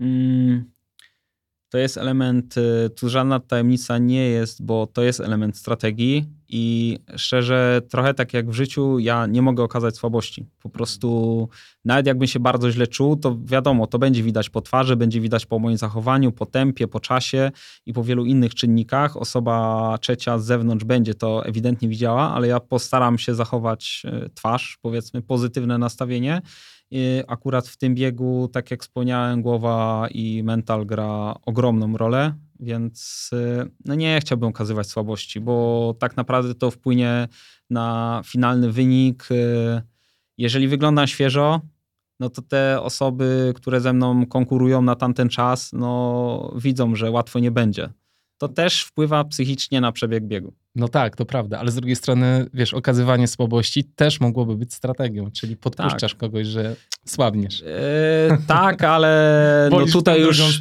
tak, tutaj już powiedziałem, moja strategia tak. jest taka, ja wolę być tak. powiedzmy z tej perspektywy siły. Rozumiem. E, słuchaj, e, jeszcze powiedzmy może słuchaczom, na czym polega backyard, bo może nie wszyscy mm. rozumieją, że z każdą pełną godziną wystartujecie na 6 km 700 metrów. Tak. E, biegniecie to średnio tam 45 minut, 50 minut, to zaraz jeszcze wrócimy e, do tempa, a potem e, powiedzmy, jeśli ktoś przebiegł w 50 minut, ma 10 minut przerwy, tak. żeby wystartować na kolejne 6 km 700 metrów.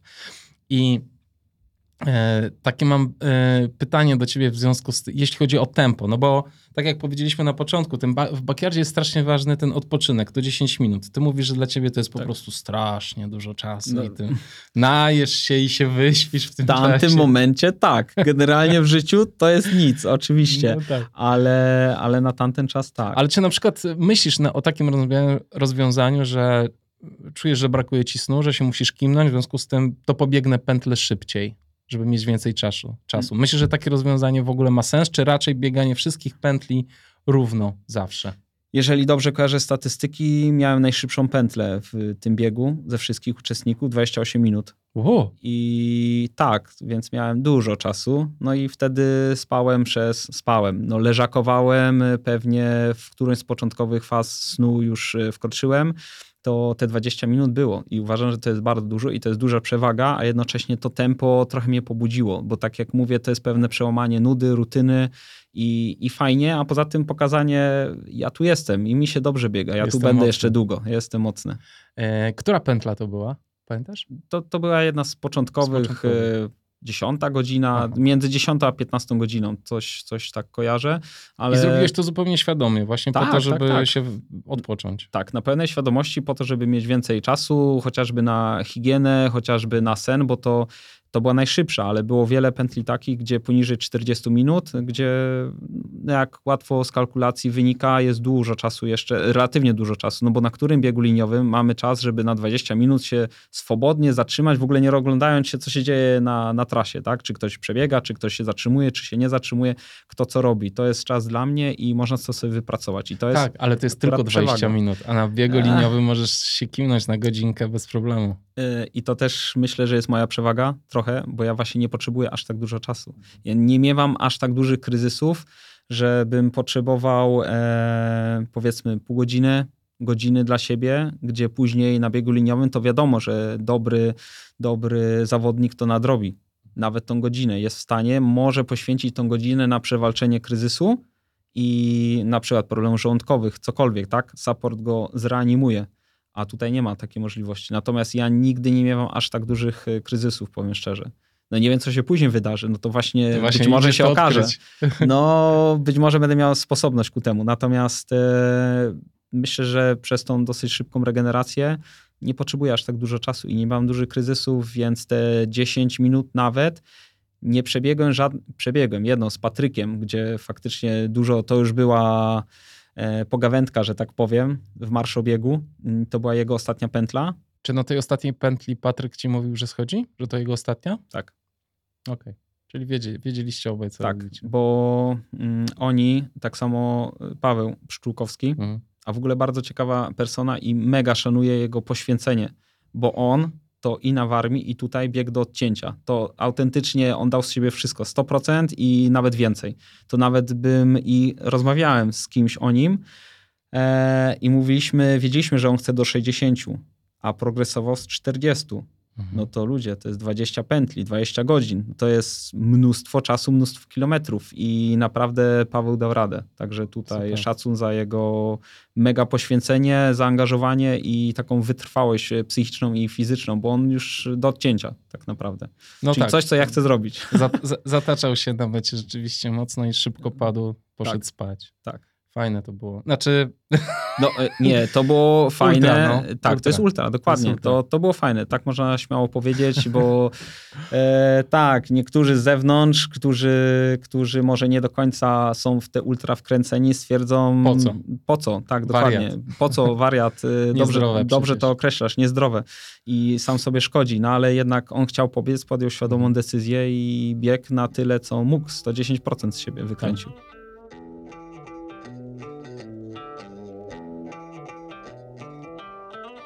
Chciałem cię podpytać jeszcze troszeczkę o to, jak się odżywiasz w trakcie backyarda, mhm. bo jak ja sobie myślę o, e, o backyardzie, to no na tych 6 kilometrach, 700 metrach nie, nie pali się dużo kalorii. Nie wiem, ty sprawdzałeś na przykład, ile palisz na jednej pętli? Nie, bo nigdy nie sprawdzałem. No tak, właśnie. nawet za moich najlepszych czasów, gdy wszystko liczyłem, to akurat nie liczyłem, ile spalam kalorii, a poza tym na dzisiaj faktycznie technologia mnie dopadła i słusznie. Mam zegarek, który teoretycznie mógłby być nawet trenerem, mhm. ogólnikowo rzecz ujmując, Natomiast e, nigdy nie liczyłem, ile spalam podczas danej aktywności i na dzisiaj też nie, chociażby byłoby to łatwe do skalkulowania. No tak, bo to wystarczy pas i, i liczysz. Tak. E, pulsometru też nie użyłem. Pulsometru też nie użyłem. Hmm.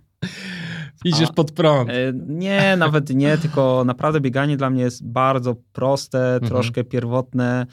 E, czuję się w tym dobrze, bo ja nie lubię skomplikowanych rzeczy. Do mhm. biegania za dużo to nie potrzeba, szczerze. Faktycznie mhm. dzisiaj wiem, że potrzeba bardzo dobrych butów. To tak, i na to nie żałuję pieniędzy, często wymieniam, nawet jak nie muszę, to lubię mieć nowe, dbam, szanuję, ale na przykład reszta ubioru to jeszcze do dzisiaj biegam w ulubionych ubraniach z Decathlonu, które mhm. kupiłem, gdy tam pracowałem na studiach na pierwszym roku i to są rzeczy z najniższej półki, z najniższej gamy za nawet 20 zł, a biegam w nich do dzisiaj. Bo I najdroższa moja rzecz to jest za 5 dych, czyli kuriozum, ogromne mm. pieniądze. Jak na tamten czas to może i owszem, natomiast e, do dzisiaj uwielbiam i w tych biegam. Wiadomo, że te rzeczy się zużywają i już mam i koszulki za 100 zł wow. i nawet bieliznę za 170. To też jest bardzo istotny element, bo -hmm. niestety te obtarcia są bardzo, są tak, są duże i bardzo niestety odczuwalne podczas y, takich długodystansowych, wielogodzinnych biegów. No dobra, a skoro już mówimy o ubiorze, a nie o diecie, ale spoko, to wrócimy. Ale to wrócimy. Bo wiesz co, bo tak. ja słyszałem teraz, jak byłem na Jabłonnej, od jednego z zawodników, słyszałem, że wziął za mało rzeczy. Że Mhm. bardzo dużo się przebierał, Mhm. że pocił się i że czuł Tak. się niekomfortowo wychodząc na kolejną pętlę. Jak ty to postrzegasz ze swojej perspektywy? E, Też tak miałeś? Uważam, że to jest e, dobry bieg na przebieranie. I warto mieć dużo rzeczy, tak naprawdę. Jeżeli ktoś by miał zasób, zrzucam 20 y, koszulek i miałby czas i komfort taki czasowy i przestrzenny, żeby się przebierać, bo to też nie każdy lubi i się czuje, to warto. Naprawdę warto. To trochę odświeża. Jest y, może nie aż tyle czasu, żeby prysznic, e, chociaż ja też się obmywałem, bo to taki komfort zawsze czuje się rzeźko, świeżej i ta skóra też inaczej pracuje, inny komfort jest dla ciała i ducha. Jak jest tylko możliwość, to ja polecam jak najbardziej przebieranie się i nawet y, bardzo istotną kwestią jest zmiana skarpetek. Naprawdę bardzo ważną, bo pomijam stopy, gdzie ja nigdy nie mam z tym problemu, to nawet zdjęcie tej pewnej kompresji, którą stanowi skarpetka, to nawet taka podstawowa za 30 zł powiedzmy, nie żadna kompresyjna, to uważam, że daje to pewien relaks dla stopy. I tam jest czas chociażby te 5 minut bez skarpetek. Ja to stosowałem, y, moczyłem nogi i wtedy też był czas na przebranie na przykład koszulki i skarpetek. Nie zmieniałem faktycznie dołu, czyli e, bielizny i spodenek nie zmieniałem. No tak, przyjdzie ten etap, jeżeli dobrnę na przykład do trzeciego dnia i dalej, to na pewno to zrobię, bo, bo te ubrania już były w tragicznym stanie i to takie jest e, bardzo niekomfortowe, ale z drugiej strony zabiera dość dużo czasu, no i potrzeba ustronnego miejsca, y, nastręcza to więcej problemów. Y, Więc koszulka, skarpety to uważam, że jak najbardziej, w jak największej ilości, oczywiście bez przesady, wszystko w granicach, w granicach rozsądku, ale jak jest taka możliwość, to tak. Niezły tip.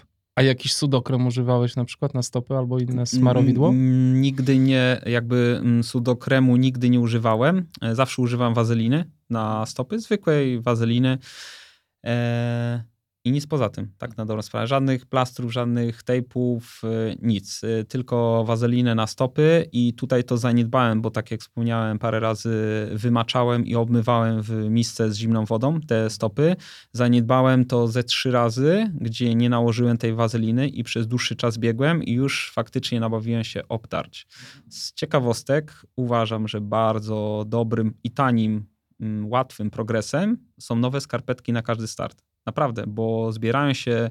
E, czym jest piasek? To tak naprawdę są drobinki, powiedzmy, skał, tak bardzo upraszczając e, sprawę, i one powodują obtarcia. Więc uważam, że wydatek rzędu 30 zł na danych start, żeby kupić zupełnie nowe skarpetki, które są. E, raz, że dużo bardziej higieniczne, komfortowe i przede wszystkim nie zawierają tych drobinek piasku i nie powodują obtarć. Ja teraz użyłem starszych i miałem obtarcia, faktycznie. No proszę. Tak, robi No to tak, różnicę i to już któreś osobie powiedziałem i wszyscy byli do tej pory zadowoleni. Bo pr- pranie nie pozbędzie się Nie, wszystkiego. nie, nie, nie, absolutnie. Ten materiał jest zbity Nie, nie, nie. taki. Tak, dokładnie. Tym bardziej nasze e, skarpety, nasze mówię do biegania, gdy one są często kompresyjne, ten materiał jest elastyczny, na stopie on jest rozciągnięty, e, zbierają się zabrudzenia, zbiera się ten piach. Zdejmując je, materiał wraca do swojej pierwotnej, takiej gęstszej postaci i tam ten piach pozostaje pomiędzy. O, to dobra. A jak często zmieniasz skarpetki w trakcie biegu? Takiego backyarda? No, Sześć- backyarda to zmieniałem pięć razy. Pięć razy. Mhm. Dobrze.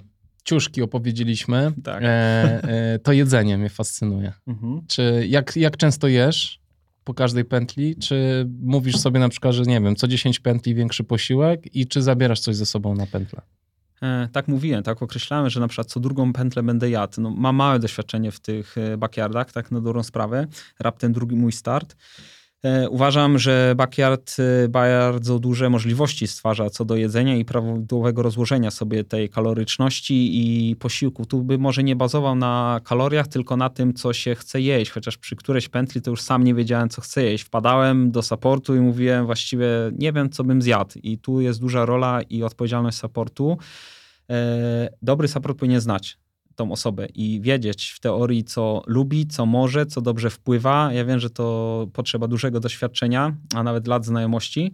Natomiast tak to powinno wyglądać, bo naprawdę przy pewnym wycieńczeniu i już myśli się o bieganiu, to, to, to żywienie na pewnym etapie schodzi na drugi plan. Warto by było mieć osobę, która sugeruje, co jeść.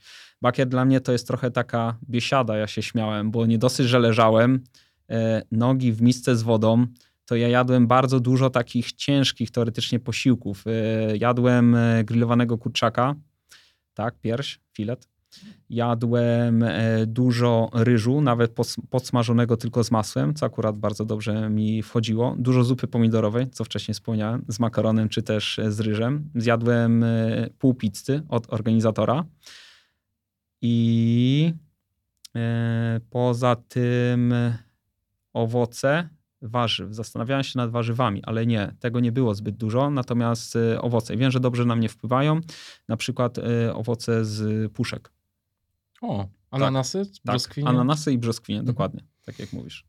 Ile tego jesz po każdej pętli? Czy czasem masz tak, że nie jesz nic? to, był, to był trochę problem, bo ja czułem duże obciążenie na żołądku, czułem się ciężki. Ja powiedziałem, że fajne, takie objętościowo i kaloryczne, te konkretne były te posiłki, ale ja źle to rozegrałem, bo jadłem co drugą pętlę. Widzisz, określiłem sobie na początku to, co ty e, wspomniałeś, że co drugą pętlę będę jadł większą ilość, a tą jedną robię sobie pasywną, bo wtedy będę robił inne czynności, na przykład e, przebieranie skarpetek, czy też e, ogarnianie higieny, e, czy chociażby koszulki, no cokolwiek, czy spanie. A okazało się, że trzeba jeść co pętlę. Znaczy trzeba. Na mnie to dobrze wpływa i to by dla mnie problem na początku, bo zbytnio, powiem szczerze, przeciążyłem żołądek i go zamuliłem. Czułem się ciężko, niekomfortowo, często w toalecie. Mm, nie dosyć, że żerało to czas, to ja się czułem źle i, i to był pewien problem. Określiłbym, że jak na mnie, to miałem duże problemy żołądkowe, e, natomiast e, uważam, że śmiało można jeść co pętle, niech to będą mniejsze posiłki, ale konkretne. Mało bazuje na żelach. Właściwie już w ogóle odchodzę od żeli, chyba że jest to bieg liniowy, dosyć krótki, czyli 100 kilometrów.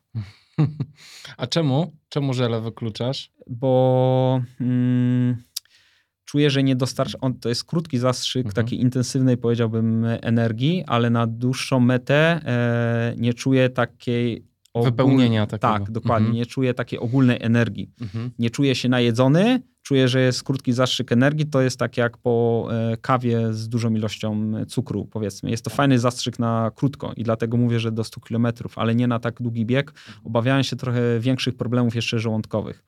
Zamiast żeli, substytutem dla mnie mogą być. W tubkach aktualnie są bardzo szeroko dostępne różnych producentów. Yy, warzywa i owoce takie wyciskane. Powiedzmy. Dla dzieci. Takie. Tak, mhm. dokładnie. Dla dzieci. Czyli e, naprawdę łatwo dostępne, e, każdy smak dla siebie dobierze i nawet są już z owsianką, z ryżem, więc też uważam, że takie dosyć solidne kalorie, a jednocześnie dosyć naturalne. Nie widzę tutaj, co by mogło mi się negatywnego wydarzyć akurat e, po tym.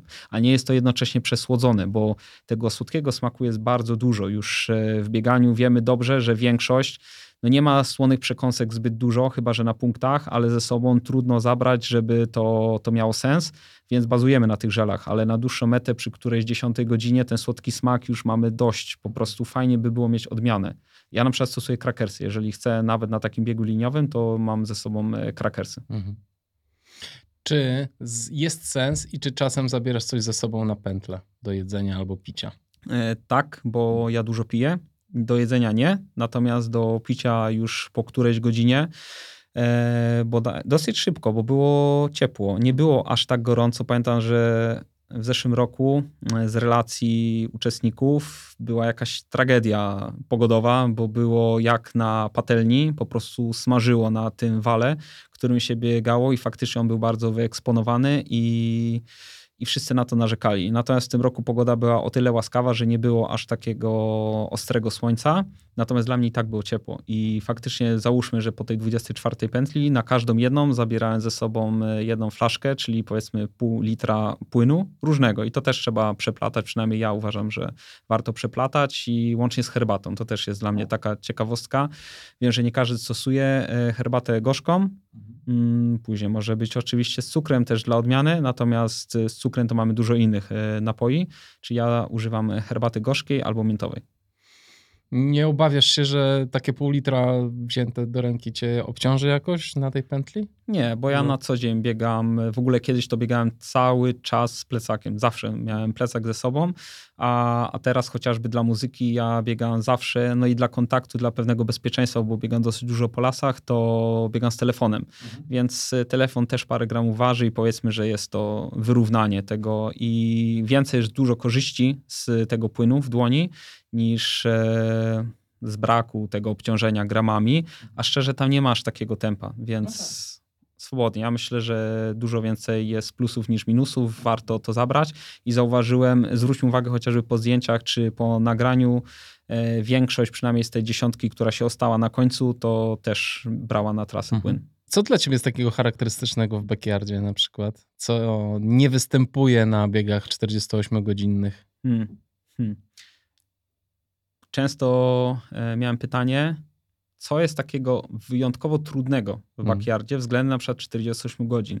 Bo gdy sobie porównamy wyniki, są osoby, które bardzo dobrze biegają, na przykład bardzo długie biegi liniowe, chociażby challenge indywidualne, albo 48 godzin po pętli, a z kolei w backyardach nie do końca im siada ta formuła i te wyniki nie są aż tak oszałamiające, gdzie powiedzmy sobie e, w teorii taki zawodnik powinien osiągnąć 300 km, a wybiega 200, mhm. bo w backyardzie ta przerwa to jest plus, ale i też jest minus. Ja bym to nawet zrównoważył, bo dla mnie, że ja muszę się zatrzymać, a na przykład na Warmii w ogóle wychłodzić, bo było bardzo mhm. zimno, jak na to, że się zatrzymujemy po rozgrzaniu organizmu, to stanowi ogromną trudność, żeby rozruszać ten organizm i trochę popadamy w taką senność, no, mhm. zwłaszcza w nocy. Wybijamy się z, tej, z tego rytmu, mm, e, z tego biegu. Mhm. Więc uważam, że te przerwy nie, nie są wcale aż e, tylko plusem, aż taką zaletą, bo mhm. bywają dużym obciążeniem dla organizmu. Jeśli to jest minus, to myślałeś kiedyś e, o takim rozwiązaniu, żeby nie robić przerwy, czyli żeby pobiec tak wolno albo przejść pętlę, żeby się nie zatrzymać, tylko nie wiem, e, wejść na punkt i złapać banana i po prostu pójść dalej. Myślałeś o tego typu rozwiązaniach? Czy... E, myślałem i chciałem to nawet zastosować, wypróbować w ogóle jakim tempem, jakby na jaki czas ja mhm. przejdę tą pętlę, przynajmniej w większej części. Natomiast w sumie nie doszło do, do skutku, bo jednak było to dla mnie za wolne jakoś źle się z tym czułem psychicznie i jednak chyba dla mnie optymalnie wynika tak przynajmniej z rezultatu i z przebiegu tego biegu w Jabłonnej jest tak 45 minut pętla. Już nawet na ostatecznym etapie to te 45 minut wydawało mi się optymalne. Trochę bym się czuł niekomfortowo, gdybym pod ten limit szedł, czy też bieg. E, obawiałbym się pewnie, że nie zdążę na czas na przykład. Różne są sytuacje, chociażby z toalety skorzystać, czy E, tak, tego banana można złapać, ale też na to trochę czasu trzeba poświęcić. Ja wiem, że może i parę sekund, ale jednak ja wolę czuć się komfortowo mhm. i nie biegłbym pod limit, e, ale to mnie czeka. To ja wiem, że to będzie ostatni etap. E, no bo tak, teraz miałem powiedzmy około tych 15 minut zapasu. No i na kolejnych etapach, na kolejnych godzinach, w kolejnych dniach na pewno będę się zbliżał do tej godziny. E, chyba że mnie kontuzja. Są, uważam, dwie opcje dla mnie. Albo mnie wykluczy kontuzja, co jest bardziej prawdopodobne, że odetnie mi nogę, tak jak bywało na poprzednich biegach, yy, czy cokolwiek. No, w grę wchodzi stopa albo noga, tak bym powiedział. Albo nie zmieszczę się w limicie. To jest mniej prawdopodobne, E, ale jednak fajne w tej formule jest to, że mam duży zapas i jest możliwość dążenia do tych 59. Z tego co widziałem, e, na świecie biegają ci czołowi, gdzie około setki okrążeń się kręci. No i wpadają w 58 minucie, tak? E, biorą, tak jak mówisz, łapią w dłoń banana, biorą picie i wybiegają. Tak, i lecą dalej. I tak docierają do kolejnej pętli i właśnie tu wracamy do tej e, sentencji, powiedzmy, biegu one more lap, Czyli tak. wiesz, sens jest to, żeby wyjść na kolejną. Jak to zrobimy, to już jest no nasz styl. No właśnie te techniki myślę, do naszej dyspozycji. Ka tak, każdy sobie je wypracowuje inaczej, ale zobacz jaka to jest, zobacz jakie niby proste, ale jak to hmm. ten las wymyślił, że zobacz tak. ile rozkmin można mieć, że tak. może nie za wolno, bo nie zdążę na przykład, mhm. a może będę potrzebował na coś czas, a może coś tam.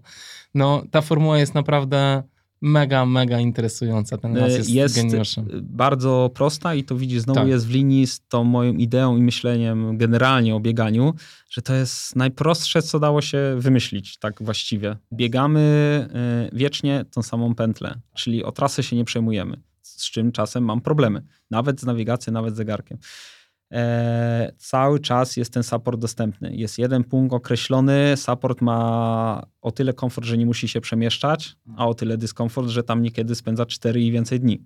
Natomiast y, dobiegamy do tego samego punktu, to wszystko jest takie ugruntowane, jakby oczywiste. Nie potrzeba zegarka, bo ja w ogóle zegarek miałem dlatego, żeby wiedzieć, która jest godzina, ale nie włączałem go, nie liczyłem nigdy tempa, nie sprawdzałem pulsu, nic. Po prostu interesowała mnie ta godzina. I to tak naprawdę wszystko spłycając, całość skraca się do tej jednej godziny. Mhm. Interesuje nas, która jest godzina. Bartosz, dziękuję Ci bardzo za te opowieści. Są wspaniałe i emocjonujące i dużo się nauczyliśmy. Dziękuję. Mam do Ciebie na koniec takie pytanie. Jakbyś zapomniał o tym, że y, jesteś mistrzem i że jest jakaś presja i że ktoś Cię zaprasza, to jaki bieg byś wybrał dla siebie? Czy masz jakiś wymarzony? Już wiemy, że po górach mhm. chyba, ale czy masz jakiś taki wymarzony bieg, że już byś był kompletnie do niczego nieprzywiązany i mógł tylko ty wybrać bieg swój ulubiony, to który by to był? E, hmm. To jest dobre, to jest dobre pytanie. Natomiast nie mam aż tak dużego rozeznania w biegach e, na świecie. Powiedzmy, nie, nie wnikałem, nie obserwowałem, nie wczytywałem się. Na pewno w Polsce bieg, do którego chciałbym wrócić, a który już biegłem i który mi się bardzo podoba z różnych względów i, i czuję do niego jakąś sympatię, to jest e, bieg siedmiu szczytów. Hmm chcę tam wrócić i wrócę tam, na pewno. I to jest dla mojej własnej przyjemności. Pomimo dystansu, pomimo celu, który sobie wyznaczyłem i wiem, że będzie to karkołomne wyzwanie, natomiast... Chcesz pewno... zrobić rekord trasy? Nie, rekord trasy jest kosmiczny.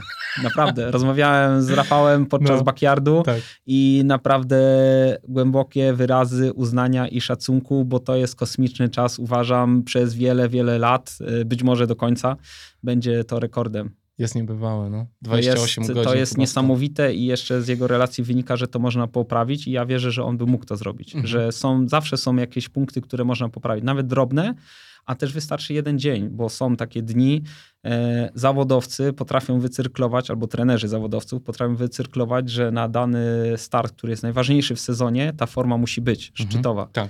Więc teoretycznie gdyby, są w stanie. Tak, teoretycznie są w stanie. E, mi, ja w to trochę nie wierzę, jakby ja tego nie potrafię kompletnie oszacować. Jakoś mhm. ja bazuję na danym dniu po prostu. Mhm. No ale są takie dni dzika, że tam można naprawdę dużo więcej niż zazwyczaj. Też nastawienie, przygotowanie tak, ale chociażby te parę dni przed, jak człowiek spędza te dni i jak się czuje, to, to ma bardzo duże znaczenie. Także, no nie, ja tu nie mówię o rekordzie. Chciałbym wygrać, wprost mówiąc, mhm. ale nie mówię o rekordzie bo naprawdę jest, uważam, fenomenalny i wyśrubowany tutaj do granic możliwości. Tak, ale jeśli Rafał mówi, że jest do, popra do poprawienia, to znaczy, że jest do poprawienia. Pewnie gdzieś tak. tam mógłby mniej odpocząć, nie albo no, szybciej jakiś fragment zrobić, co nie? No, oczywiście. Ale jest to tak, to jest niewiarygodne, że w ogóle w takim czasie się robi 240 km. Tak, w ogóle Rafał bardzo sympatyczna osoba i życzę mu, żeby to poprawił. Żeby no, on tak. był tam zawsze na szczycie i to uważam, że jest jego bieg, tak właściwie. Ale ja naprawdę pałam sympatią. E, trasa mi odpowiada, mhm. E, w ogóle klimat. E, faktycznie jest to jest to festiwal biegowy z prawdziwego zdarzenia i naprawdę e, jest to dla mnie sympatyczne i chcę tam wrócić.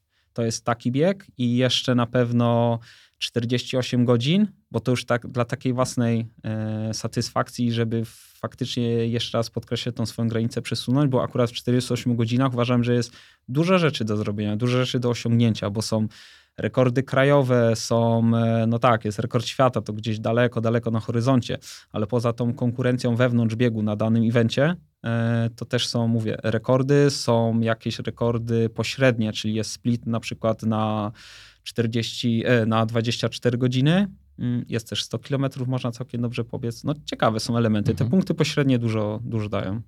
A powiedz, a jak wiedziałeś, że ci brakuje tych kilku kilometrów do 400 kilometrów i biegniesz, jeszcze biegniesz, jeszcze bieg trwa, to co cię powstrzymuje, żeby przyspieszyć i jednak zrobić te 400? Czy to jest ból, który odczuwasz, nie pozwala ci biec szybciej, czy co to jest? Brak motywacji? No właśnie, jeżeli odniesiemy się konkretnie do Tajwanu, tak, myślę, że to by brak motywacji. Tak? Tak. Tak z perspektywy czasu, myśląc o sobie i, i, starając się ocenić e, obiektywnie, to myślę, że na tamten czas to był brak motywacji, takie poczucie, że niestety nie, nie dojdę Juliana. E, I mało czasu na te. Ja oczywiście chciałem, się starałem, robiłem, wydaje mi się, prawie wszystko, co było w mojej mocy na tamten czas no ale te 400 już, już było nieosiągalne. Za późno się zorientowałem, że ono jest do osiągnięcia, do zrobienia, ten dystans, ale już zbrakło czasu. Ta motywacja nie było y, jej braku na końcowym, na finiszu, tylko we wcześniejszych etapach. Bym powiedział w drugim dniu, drugiej połowie drugiego dnia. A czy ta motywacja y, siadła po tym, jak wiedziałeś, że będziesz miał personal best i rekord polski? Trochę tak. Trochę myślę, że tak. I to znowu jest ograniczenie w naszej głowie. Tak. To trzeba było inaczej myśleć. No niby tak, a z drugiej strony jakiś cel trzeba sobie wyznaczyć. Tak, tak. I dlatego mówię, że 48 godzin jest dla mnie bardzo interesujące, bo jest dużo tych celów y, pośrednich, nie? Ale trzeba myśleć o tym głównym. Tak, też sobie myślałem o tym backyardzie w Jabłonnej, że tam jeśli ktoś naprawdę chce zrobić dużo pętli, to nie może myśleć o ilości pętli, którą chce zrobić. Nie, nie. Jak myśli o ilości pętli, to, to już jest ugotowany. To przeraża, jak oni mi mówili, e, Patryk i Paweł, w międzyczasie, że oni by chcieli 60. Byliśmy gdzieś tam w trójkę po 50 pętli. E, cyfr dokładnie nie pamiętam, natomiast e, mnie to troszkę przerażało, no bo ta świadomość, że jeszcze 10 godzin i jakby to obciążenie psychiczne dla mnie i zastanawia się, ile jeszcze można tą samą pętlę biegać, ale to znowu wracamy do tej głównej sentencji, że jeszcze jedna pętla. Tak. I, I to jest fajne akurat w tym, bo tak od pętli do pętli, to są takie punkty pośrednie, małe kroczki, i nie można myśleć. Jak ja bym od początku myślał, e, powiedzmy, że jestem w Stanach i od początku będę myślał o setnej pętli, no to ile to jest kilometrów, ile to jest godzin, ile to jest dni, to nie, ja muszę zdecydowanie myśleć mniejszymi kroczkami. Chociażby po dniach. Jeden dzień, dwa dni i tak dalej. A nie sto od razu, bo to deprymuje po prostu. Tak, to deprymuje, deprymuje. ale też y, można sobie wyznaczyć za niski cel, za tak, słaby tak. i po prostu nie osiągnąć swojego maksa, nie? Tak, no dlatego pytałeś, ile bym chciał przebiec. Nie mam takiej cyfry, po prostu chciałbym przebiec o jedną więcej od tego drugiego, ale wiadomo, to, to są e, plany, życzenia, myśli. E, zobaczymy, co się, jeżeli będzie taka możliwość, to co się zrealizuje. Fajnie. Bardzo Ci dziękuję za rozmowę, dziękuję. Bartosz, i powodzenia w Tennessee, jeśli tam dotrzesz. No. Zobaczymy, ale zawczasu dziękuję. Dzięki, trzymaj się. Dzięki, cześć. cześć. No i jak wam się podobała ta rozmowa? Za każdym razem nie mogę się nadziwić, jak każda z tych niesamowitych osób, z którymi się tutaj spotykam, ma inne sposoby na osiągnięcie podobnych rezultatów. Nigdzie, tak jak w Ultra, nie jest widoczny ten rozdźwięk pomiędzy tym, że coś trzeba robić tak i tak, bo tak i tak mówi nauka, a tym, co się chce robić, bo tak się czuje.